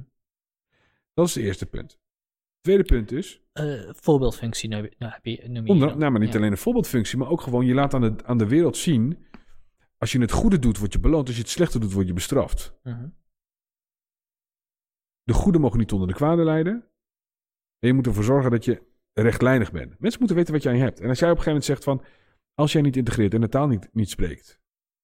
dan halen we je... dan korten we je gewoon keihard op, eh, op, de, op de uitkeringen. Mhm. En als je dat dus niet doet, wat voor signaal geef je af? Niet alleen aan statushouders die wel hun best doen en een onderdeel willen zijn en hier willen integreren en hier aan de bak willen. Maar wat zegt het daarnaast ook over de Nederlander die de Nederlandse nationaliteit heeft, knetterhard moet werken, veel belasting betaalt, achteraan valt bij de aanvraag van een sociale huurwoning. En die ziet dan op een gegeven moment dat een gezin van statushouders geen moeite doet, maar wel alles krijgt. Sterker Not nog, fair. sterker nog eh, je, hebt, je hebt voorbeelden van eh, gezinnen met status of gezinnen die in de bijstand zitten die uit elkaar gaan en zo twee uitkeringen verzamelen. Ja. Dus Ja, dat is, dat is, Dat is belachelijk. Maar dat, dat ben je toch met mij eens dat dat toch niet kan? dat kan niet. Nee, maar, en moet maar- je dan de wortel gaan gebruiken? Dat weet ik. Nee. Nee, maar- nee, maar Nee. Want wat je zegt tegen die groep die wel zijn best doet, is als je niet meewerkt, ja, dan gaan we alsnog proberen met de wortel je te overtuigen. Die lachen zich kapot. Je moet op een gegeven moment ook gewoon duidelijk le- zeggen van als je dit doet, krijg je straf. Nou, kijk, ik zei dus, ik zei dus dat, er een, dat er een stok en een wortel is. Toen ik zei Mhm. dat ik niet weet of je de stok moet gebruiken, Ja. zei ik niet dat je de wortel moet gebruiken. En wat ik ook niet zei, was dat je de wortel op de stok moet gebruiken. Ik stelde ten twijfel dat het gebruik van de stok gaat leiden tot een betere integratie. Ervan uitgaande dat je Ja, doel is dat mensen meer niet. gaan Nee, integreren. maar heel eerlijk, misschien ook niet. Maar het is wel een signaal wat je afgeeft aan de groep die buiten deze groep aanwezig is, die meekijkt. En dan hebben we het over de Nederlanders met de Nederlandse nationaliteit. Waarvan ze hun eh, belastinggeld gebruikt wordt om die groep te integreren en, en de Nederlandse taal te leren. Maar ook de groepen die wel statushouders zijn en ook hun best doen. En ook gewoon naar dezelfde groep kijken. Het is gewoon een, een, een groepje mensen die gewoon niet wil. Ja. Echt gewoon hak in het zand zet. eh, en die je dus eigenlijk beloont met inactie. Maar is het dan niet in deze beter om eigenlijk veel harder op te treden en te zeggen: als je de voorwaarden schendt, dan is je status gewoon weg? Oh ja, als het aan mij ligt wel. Want, Ja, want ik ben niet aan het argumenteren dat je mensen moet eh, pamperen totdat ze uiteindelijk wel omdraaien. Ik ben ervoor dat je. je bent rechtser dan je denkt hoor. Maar niet vanuit. Maar Dit niet, mag je knippen, Nee, maar- maar niet vanuit. Nee, maar niet vanuit de over. Dus de- wat ik nu zeg klinkt heel erg. Maar ik, ben, ik zeg het niet vanuit de overtuiging dat mensen hun best moeten doen. Ik, ben, ik, ma- ik geef een heel pragmatische, eh, pragmatische redenatie daarvoor. Gaat het inkorten van uitkeringen ertoe leiden dat mensen meer integreren? Is er een groep die we gewoon niet kunnen overtuigen? Ja, zo, zo, zo werd het ook in de Ja, in- in- maar dat vind ik een hele mooie. wacht, zo werd het ook in het gevangenisrecht. Ja. We, Ja. we doen zoveel mogelijk ons Ja. best om mensen te revalideren, maar er is, er is Er is een altijd groep, een groep die je nooit meekrijgt. dat gaat gewoon niet. Ja. Dus die stop je gewoon in, in een, in een, in een Maar 4 zit bij een- 4. Ja, maar dat is het verschil. Stop je ze in een 4 bij 4 of stop je ze op de tiende verdieping van de luxe suite? Hm. Want eh, laten we even hypothetisch zeggen, want ik, wetenschappelijk kan ik het niet onderbouwen, maar er zal altijd wel een groep zijn die niet wil. Je hebt mensen die kunnen en willen. Hm. Je hebt mensen die eh, eh, niet kunnen, maar wel willen. Je hebt mensen die wel kunnen, maar niet willen. Dat snap ik sowieso niet, want die kunnen het gewoon. Sorry, nog een keer die, die? Mensen die het kunnen en niet willen. Die heb je ook. Ja. Ja. Ja, Dus je hebt mensen die kunnen en willen. ik op de middelbare school. Bijvoorbeeld. Je kan het, maar je hebt er geen zin in. Ja. Ja. ik ben vroeger ook wel zo geweest in mijn jonge jaren. Het voortgezet onderwijs. Ja. ik, ik kon het gewoon echt. Ik haalde gewoon tienen voor hoge cijfers, maar ik had geen zin om te leren. Ja. Ja, stom. Ik ben gelukkig een stuk wijzer geworden. Maar die heb je nog steeds. Dus je hebt kunnen en, en willen. Eh, eh, niet kunnen, maar wel willen. Eh, wel willen, maar niet kunnen. En dan heb je de laatste groep die niet kan en niet wil. Hm. Dus die kan niet en die wil niet. Als jij wel wil, maar het niet kan, dan ga ik je helpen. Dan ga ik je onderwijzen, dan ga ik je ondersteunen, dan ga ik je scholen, dan ga ik je onderwijs geven. En dan is er nog een verschil tussen. wil. Ja, maar er is nog een verschil tussen de willen en niet. Tussen, de- in de groep van willen en niet kunnen. Niet willen en niet kunnen. Mensen die gegronde redenen hebben om het niet te willen. Iemand die echt eh, zeer, zeer eh, geestelijk gehandicapt is. Ik denk dat je daar ja, goede. tuurlijk, maar daar gaan we, daar gaan we geen discussie Nee, over nee, voeren. nee, maar om even te onderscheiden. Om even te onderscheiden. Ja, tuurlijk. Ja. Maar dat is, die groep is zo ongelooflijk klein. Ja. Dat is te verwaarlozen. Dat is echt te verwaarlozen. Dan krijg, je, dan, krijg je, dan, krijg je, dan krijg je deze kamer niet mee vol. Echt niet. Echt niet. Oké, nee, is goed. Prima. Echt over, echt Ja. over geestelijke, zware geestelijke eh, gezondheidsproblemen. Ja. Nee, dat valt echt mee. Het gaat echt om de personen die Ja. hier komen en hier de mogelijkheid hebben. En let wel, dit is dan de groep die niet wil en niet kan. Ja, we hebben het over de echte bad actors. Wat moeten we daar dan? Ja, gewoon de, de, de, de rotte appels, om Mhm. het zo te zeggen. Ik vind dat je daar gewoon heel streng in moet zijn. En dat je gewoon moet zeggen, luister, het is voorwaardelijk aan, het, aan je Nederlandse taal. En dat je je best doet. En dat je gewoon aan de bak gaat. Want het, het kan niet dat je, niet hier, dat je hier bent, dat je een statushouder bent, dat je dan vervolgens niet de Nederlandse taal leert. Ik vind dat gewoon niet kunnen. Ja. En dan vind ik dat je gewoon inderdaad ook gewoon ehm, eh, eh, eh, moet korten op uitkeringen. En zelfs in het, in het ergste geval ook gewoon moet zeggen, ja, je krijgt gewoon je, je status bij deze vervallen. Ja. Het houdt op voor je. Nou, ik, ik, zou, ik denk dus dat, dat het vervallen van status een veel effectiever middel is dan het inkorten van uitkering. Ik denk dat het echt dat het inkorten van uitkering en maar een schijnmaatregel is.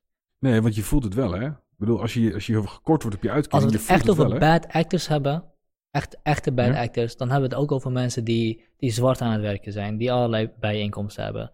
En die voor, voor elke paar honderd euro meer is prima voor ze. Want het Ja. is toch gewoon gratis extra geld. Ja, is ook wel zo. Maar ja, dan heb ik ook wel zoiets van, ja, waarom zouden we dan ook niet korten?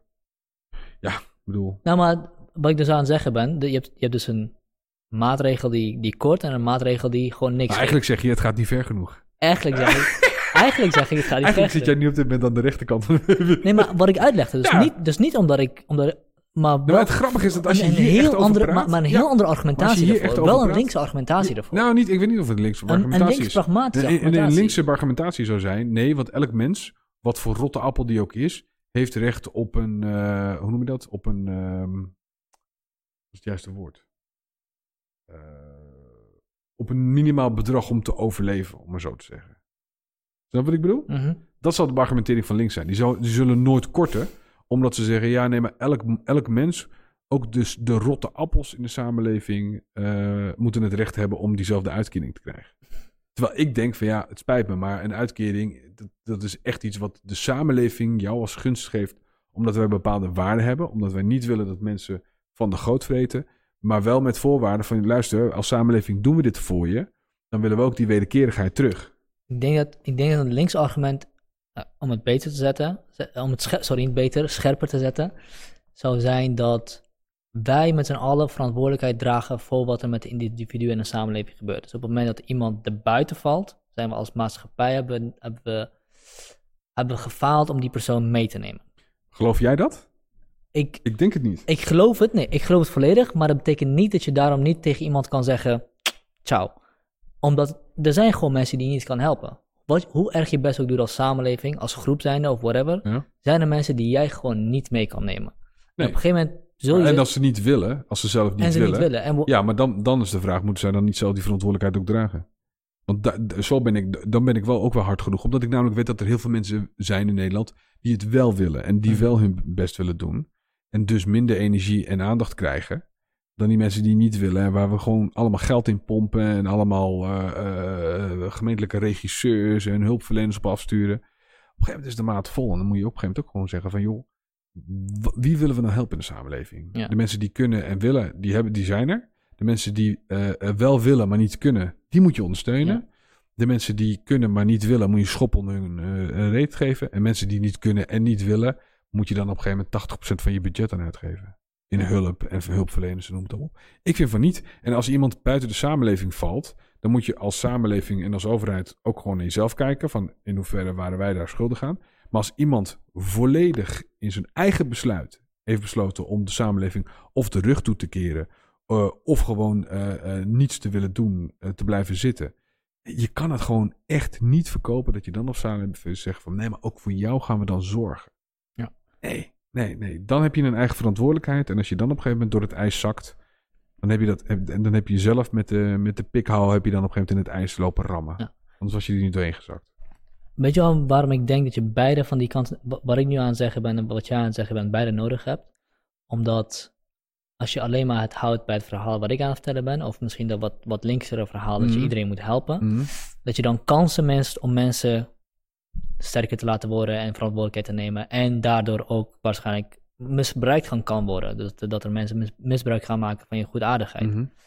Als je te veel gooit en zijde gooit op de persoonlijke verantwoordelijkheid van mensen, Mhm. kan zijn dat je structurele dingen mist in de manier waarop jij je organiseert, Mhm. waardoor mensen buiten de boot vallen. Ja, maar dan moet je als overheid ook altijd wel op letten. En dat is ook met dat nieuwe verhaal waar we nu Ja. met mee bezig zijn. Hebben we daar ook wel voldoende oog voor. Ik vind dat dat ook een verantwoordelijkheid van de overheid is om daar constant te blijven herijken. Maar ik heb het echt meegemaakt. Ik geef les vrijdagochtend op mbo-scholen. Vind ik hartstikke leuk Waar om te doen. les in? Ehm, burgerschap. En ik doe het met name bij ROC Midden-Nederland. Ik heb ook een aantal gastcolleges die ik bijvoorbeeld bij eh, eh, ROC Mondriaan doe. En ook bij andere mbo-scholen. Ik ben geen mbo-woordvoerder meer. Maar ik vind het wel leuk om dat nog steeds te doen. Want Mhm. dat is ook een stukje teruggeven wat ik dus doe. En ik ben op een gegeven moment bij een mbo-school. Ik ga niet noemen welke het is. eh, maar kwam ik in een klas terecht. En ik schrok daar echt enorm van. Want het waren jongeren die letterlijk niet geholpen wilden worden. Niets wilden doen. Nergens zin in hadden. Mhm. En ik heb echt wekenlang aan ze getrokken. En er kwam gewoon niks uit. Ik heb heel veel tijd en energie in ze gestopt. Heel veel tijd en energie in ze gestopt. En ze wilden niet. Dus die verantwoordelijkheid heeft ook te maken met het feit dat op het moment dat jij niks wilt. En gewoon ook de, die weken van mij. Dat heb ik, en dat heb ik nu één keer gedaan. En nu heb ik zoiets van: ik ben er wel klaar mee. Mhm. Dus mijn hulp heb ik nu bereidgesteld voor mensen die het wel willen. Ja. Ik ben er, ik kan je helpen. En je hebt nog een hele weg te gaan. Dan zorg ik ervoor dat ik een springplank voor je kan zijn. Maar als jij mijn hulp niet wil, ik ben gestopt om daar energie in te stoppen. Want het is nutteloos. Want diezelfde energie, die kan ik stoppen in iemand die het wel wil. Mhm. Dus ik ben in die specifieke klas ben ik ook gestopt. Ik heb het één blok gedaan. Toen moesten ze een toets doen. Toen zei ik, ik vind het wel gezegend. Ik doe het daar niet meer. Dan om het- het anders neer te zetten. Ehm, wat, want er is een aanpak die voor, voor die kinderen had gewerkt. Denk je dat dat, dat dat waar is wat ik nu zeg, of denk je dat het onwaar is wat ik zeg? Dan, zou je veel eerder, dan had je veel eerder moeten beginnen. had je al op de basisschool moeten beginnen. Hmm. En het, wat ik, ja. ehm, de verantwoordelijkheid van de ouders speelt een belangrijke rol. De wijk spe- spe- speelt een belangrijke rol. We hebben in Nederland nog steeds achterstandswijken. Ik kan, me, ik kan me met mijn hoofd er niet bij, maar we hebben ze nog steeds. Wij stoppen alle mensen met een lagere sociaal-economische klasse en, en status stoppen we allemaal bij elkaar. Wij denken niet na over hoe we onze samenleving verder uitbouwen. Maar dat is niet, dat is niet wat we doen, toch? Dat is wat er gebeurt. Dat is wat er gebeurt omdat Ja, er als, je mensen... iets, als, er, als je iets overkomt, betekent dat waarschijnlijk de, de grote kans is dat je het niet goed hebt geregisseerd. Mhm. En als we het hebben over huisvesting en huisvestingsbeleid. En het ontstaat dan in een stad. Dan vraag ik me echt af of de wethouder achter zijn oren heeft gekrapt en daar heeft, over heeft nagedacht. Ja. De wijk waarin ik ben opgegroeid was nul regie. Het is een achterstandswijk geworden. Maar nu klink jij weer een stuk linkser dan... Ja, nee, precies. Dat is dus het grappige. Nee, maar ik vind, ik vind met huisvesting heb je daar ook wel een verantwoordelijkheid voor. Want we hebben namelijk we hebben te maken met afgifte van grond. We hebben te maken met sociale huurwoningen. Mhm. Het zijn allemaal dingen die wij gewoon in Nederland hebben. En ik vind dat je daar een stuk strenger voor mag zijn. Ja. En ik vind dat je op een gegeven moment ook gewoon van sociale huurcorporaties ook wel echt mag vragen. Om dus te gaan nadenken over hoe ze meedenken over urban planning. Want je, je kan het vrijlaten, hè? je kan het aan de markt overlaten. Hè? Mhm. Dat kan, hè? als echte liberale, hardcore VVD'er, de markt lost het op. Ja, dat is fantastisch, want dan krijg je namelijk wijken zoals waar ik woon. Waar alleen maar mensen komen met een hoog salaris, een, eh, die succesvol zijn in het leven, die hebben een grote huis, een voor- en achtertuin, die zitten aan het water. Ja, ik zit wel in mijn bubbel. Ik heb geen last van die achterstandswijk die anderhalve kilometer verderop ligt. Mhm. Maar de problemen die ontstaan in zo'n achterstandswijk, omdat eigenlijk daar die kwetsbare wijken elkaar versterken. Ja, dat wordt alleen maar, dat gaat van kwaad naar erger. Ja. 80% van die wijk waar ik vandaan kom, heeft allemaal een uitkering. Ze hebben allemaal hoge eh, eh, zorgkosten. Want ze zijn, ze zijn ook vaker ziek. Eh, ze gaan vaker naar de arts, maken vaker gebruik van de zorg. Komen vaak in aanraking met criminaliteit. Mhm. Ik denk dat. ehm, ik denk dat echt de kern van het gesprek is, in totaal een paar keer genoemd, dat verschil tussen links en rechts, dat, dat wordt steeds meer een schijnverschil. En ehm, ik vraag me ook af of, of die hele opkomst van het, verschil, van het grote verschil tussen links en rechts nou echt zo al lang bestaat, of dat er redelijk iets nieuws is. Maar je kan niet meer denken in linkse maatregelen, rechtse maatregelen. Je kan niet meer denken in liberale maatregelen. Omdat, Niet als het gaat om maatregelen. Ik denk dat het wel gaat om het doel. En, en dan eh, even als we links-rechts loslaten, dan kijk je naar een, een, een doel waarbij je streeft naar een socialistische samenleving. Dat zou de SP heel graag willen doen. Een doel waarin je naar een sociaal-democratische samenleving streeft. Dat PvdA zou dat eerder doen. Ehm, eh, GroenLinks zou bijvoorbeeld eh, veel meer focussen op een, een, een groen-sociale Mhm. samenleving. Ehm, waarbij de rol in ook alle drie, die we dan van oudsher altijd links zouden noemen, dat de rol van de overheid een hele stevige en heftige rol is. Een socialistische samenleving betekent in feite dat de overheid bepaalt hoe wij leven en wat we doen. Het meest ideale in hun ogen is dat iedereen betaald zal worden vanuit de overheid.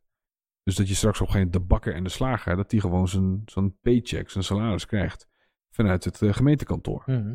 En dat we dan op een gegeven moment zeggen van luister, brood, aan brood wordt niet verdiend. Want brood is een substantieel recht voor de mensen om zichzelf te kunnen voeden. Dus de broodprijs wordt altijd al bepaald door de overheid. Hè, want het is echt socialisme is namelijk het herverdelen van, van, eh, van, eh, van, van kapitaal, van Mhm. geld, van goederen, et cetera. Zodat je een gelijkheid krijgt in de samenleving. Hè. Dus niet eens een gelijkwaardigheid, maar gelijkheid. Dat is, een, dat is een sociaal doel. Een liberaal doel is totaal anders, het tegenovergestelde. Namelijk dat je zelf kan bepalen wat je succes is. Dat je verschillen in mensen hebt. Dat mensen niet gelijk zijn, maar wel gelijkwaardig. Dat elk mensenleven evenveel telt. Maar dat de een op een gegeven moment totaal andere toegevoegde waarde heeft aan de samenleving dan de ander. Mhm. Niet minder waardig, maar anders. Eh, en dat je dus op een gegeven moment ook successen en verschillen mag vieren. En op het moment dat iemand met een briljant plan en hard werken een paar miljoen op zijn rekening eh, krijgt, dat je dat moet vieren in plaats van dat je dat moet, eh, moet, moet willen afstraffen. Mhm. En daar zit hem denk ik het verschil niet tussen links en rechts, maar tussen liberaal, sociaal, sociaal-democratisch, sociaal-liberaal, whatever that may be. Ehm, eh, en elke politieke partij heeft zijn droom en zijn waardes. En dat zal niet veranderen. En daar zitten wel de verschillen in het politieke landschap. Als het gaat om die maatregelen. Ja, ik heb heel vaak gewerkt met GroenLinks samen en ook met de SP samen om Mhm. dingen voor elkaar te boksen. Maar zij deden het om die sociale samenleving eh, dichter bij je te krijgen. Maar ik heb ook gezien dat het voor mij, mijn liberale samenleving, dichter bij mij brengt. En dat is wel heel grappig hoe dat soms werkt. Dat je dus allebei kan optrekken met dezelfde maatregel, maar dat het doel van beide die samenwerken totaal verschillend is. Dat, dat kan ook in de politiek. Ja, uiteraard.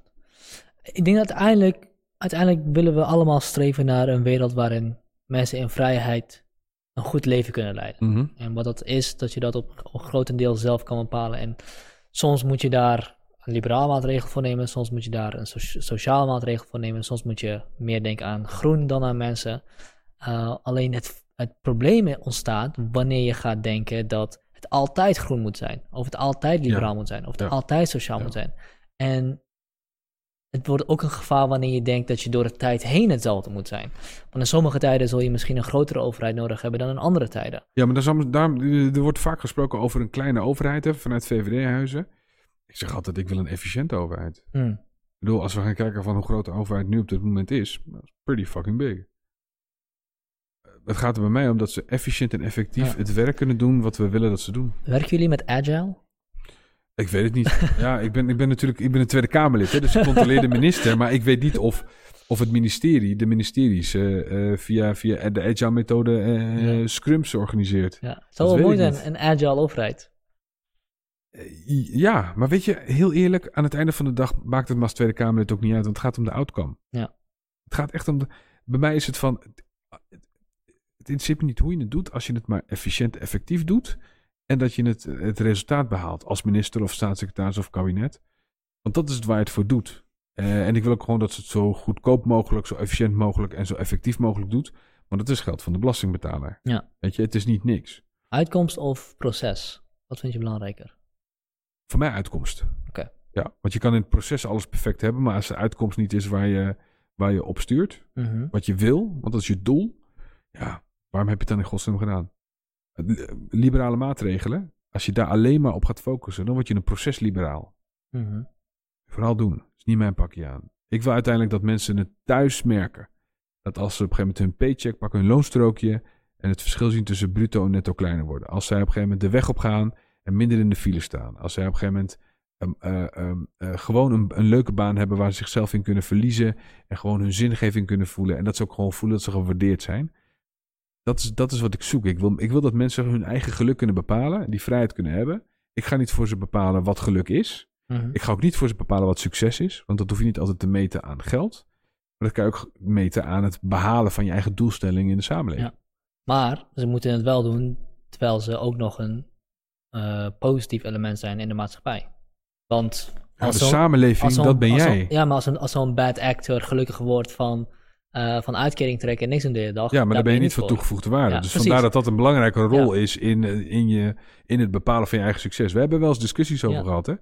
Uh, als iemand gewoon uh, in, de, in de voortuin, in de, tuin, in de tuinstoel met een paar kratten bier een uitkering trekt en hij zegt, nou, ik ben de regisseur van mijn eigen leven. Lekker. Ja, nee, daar zit ik niet op te wachten. Ja. Als je succesvol bent, uh, je, je, hebt een bedrijf gehad, je hebt het verkocht, je hebt daar miljoenen aan overgehouden. Ja? En die miljoenen zit je op de bank en je gaat dan op een gegeven moment in die voortuin zitten met je kratten bier, achterover hangend, genieten van het leven. Dan wel. -hmm. Dan wel. Dan ben je van toegevoegde waarde geweest. Want je hebt ooit een bedrijf gestart en heb je mensen aan het werk geholpen en die heb je succesvol verkocht. Dus je hebt een nalatenschap. Maar op het moment dat je dan op een gegeven moment aan het rentenieren bent op je 45ste, omdat je een paar miljoen op de bank hebt zitten, dan kan je je afvragen, wat is dan je toegevoegde waarde, los van het feit dat je consument bent en producten en diensten koopt. Um, maar die vrijheid moet je hebben als je dat wil. Mm -hmm. Uh, die is anders als je een uitkering Als ik maar even negatief zeg, je kan je toegevoegde waarde afkopen. Nee. Nee, juist niet. Um, als, je, als je namelijk... Uh, um, uh, want, die, want, die want, toegevoegde waarde wordt gevraagd in de vorm van wederkerigheid op het moment dat jij bijvoorbeeld afhankelijk bent van de overheid. Dat is een hele andere draai. Dus dus niet afkopen van, van iets, ja. maar juist een wederkerigheid van luister, jij hebt een uitkering we willen jouw samenleving wel helpen om weer op je, op, op, op, op je eigen benen te staan. Iedereen heeft wel eens meegemaakt dat hij een rotperiode had en Mhm. dat hij even hulp nodig had. Het zij van zijn omgeving, van zijn vrienden, van zijn ouders, van zijn, van zijn broers en zussen. Maar dat kan dus ook in de vorm van de overheid. Wij zeggen, wij helpen je eventjes dat moment over om weer op eigen benen te staan. Zodat je niet meer afhankelijk bent van de overheid. Maar we willen wel een eh, wederkerigheid. Die is voor ons heel belangrijk. Jij krijgt iets van ons, wij vragen iets van je terug. Ja. Op het moment dat jij niet afhankelijk bent van de overheid en je geld al hebt verdiend, is er geen sprake van wederkerigheid. Je hebt je belasting al netjes betaald, je bent van toegevoegde waarde geweest. Als je dan op een gegeven moment wil rentenieren op een, op een onbewoond eiland of je gaat naar Texel toe en je gaat daar lekker op een boot zitten, dan moet je dat vooral doen, want je hebt hard gewerkt en je hebt het succesvol gedaan, hartstikke leuk. Maar dat is wat anders dan als je een uitkering krijgt. Dan wordt er ook een stukje wederkerigheid van ons gevraagd. Ik denk dat we nog heel lang kunnen praten zo weer. Het is al zes maar het uur. is zes al zes uur. Wauw. Maar eh, de tijd ging snel, hè? Of niet? Hard hè? Ja. Ik heb niet het gevoel dat het twee uur... Ja, ik hoop dat ze thuis in ieder geval een beetje hebben genoten, want eh, het is een heel gesprek geweest. ja, ik denk wel dat het goed alle kanten op. Ik, eh, hartstikke bedankt voor je, voor Jij je tijd. bedankt. Eh, ik hoop dat ik je een beetje overtuigd heb dat ik toch wel heel links ben. Eh, ik denk dat we zo meteen de camera's even uit moeten zetten. En eh, dat we even daarna nog even kort verder moeten Ik praten. Maar eh, nogmaals, even om af te sluiten. ehm, de, de, de gedachte die men heeft bij een rechtse partij, een VVD en zo. Ehm, eh, eh, je komt, ik kom steeds vaker mensen tegen die het echt met mij eens zijn. En Mm. dat we echt gewoon diezelfde waarden delen. En vinden wat er moet gebeuren en wat die visie is voor de samenleving. Alleen er is iets van dat, van dat gevoel van vroeger. Dat men toch wel het heel moeilijk vindt om over de streep te gaan. Als het gaat om eh stemmen op VVD. En ik maak altijd een grapje dat ik, dat ik zeg dat, dat ik daar heel herkenbaar in vind. Op het moment dat ik op een gegeven moment met mijn Marokkaanse achternaam solliciteer bij een werkgever. Die zijn eerste reactie zegt van, oh, dit is wel echt eng, dit is vreemd. Dat ik dan op een gegeven moment met een goed gesprek me overtuig dat ik de juiste persoon ben op de juiste plek Mhm. dat hij mij moet aannemen. Zo is het mijn taak ook om aan mensen te laten zien van... die VVD is meer dan alleen bretels en een dikke sigaar. Die VVD bestaat uit echt mensen uit de samenleving... die het echt het beste eh, voor hebben met dit land. En als je ze even een kans geeft en even met ze praat... kom je er vanzelf achter dat je meer met ze gemeen hebt dan je dacht. Ah, jullie zijn al heel lang de grootste partij. Dus de meeste mensen zijn, zijn het met je eens, zou ik denken. De meeste mensen vinden de VVD in ieder geval niet Ik denk, eng. ik denk dat, er, dat er meer mensen zijn die het met ons eens zijn... waarvan ze het zelf onbewust niet doorhebben... dan het aantal mensen dat op ons stemt. Dus laat ik het zo zeggen. Ja. Ik denk dat we een veel grotere basis in Nederland hebben... op het moment dat wij dit soort gesprekken voeren. Dat mensen zeggen, wauw, als ik dat zo hoor... kom ik er eigenlijk achter dat ik toch wel een beetje VVD-minded ben... en daar schrik ik een beetje van. Hmm. En dat is niet erg. Ik denk dat we hiermee een heel andere discussie gaan openen. dus Maar nou, nogmaals dank. Ja. Echt een heel leuk gesprek.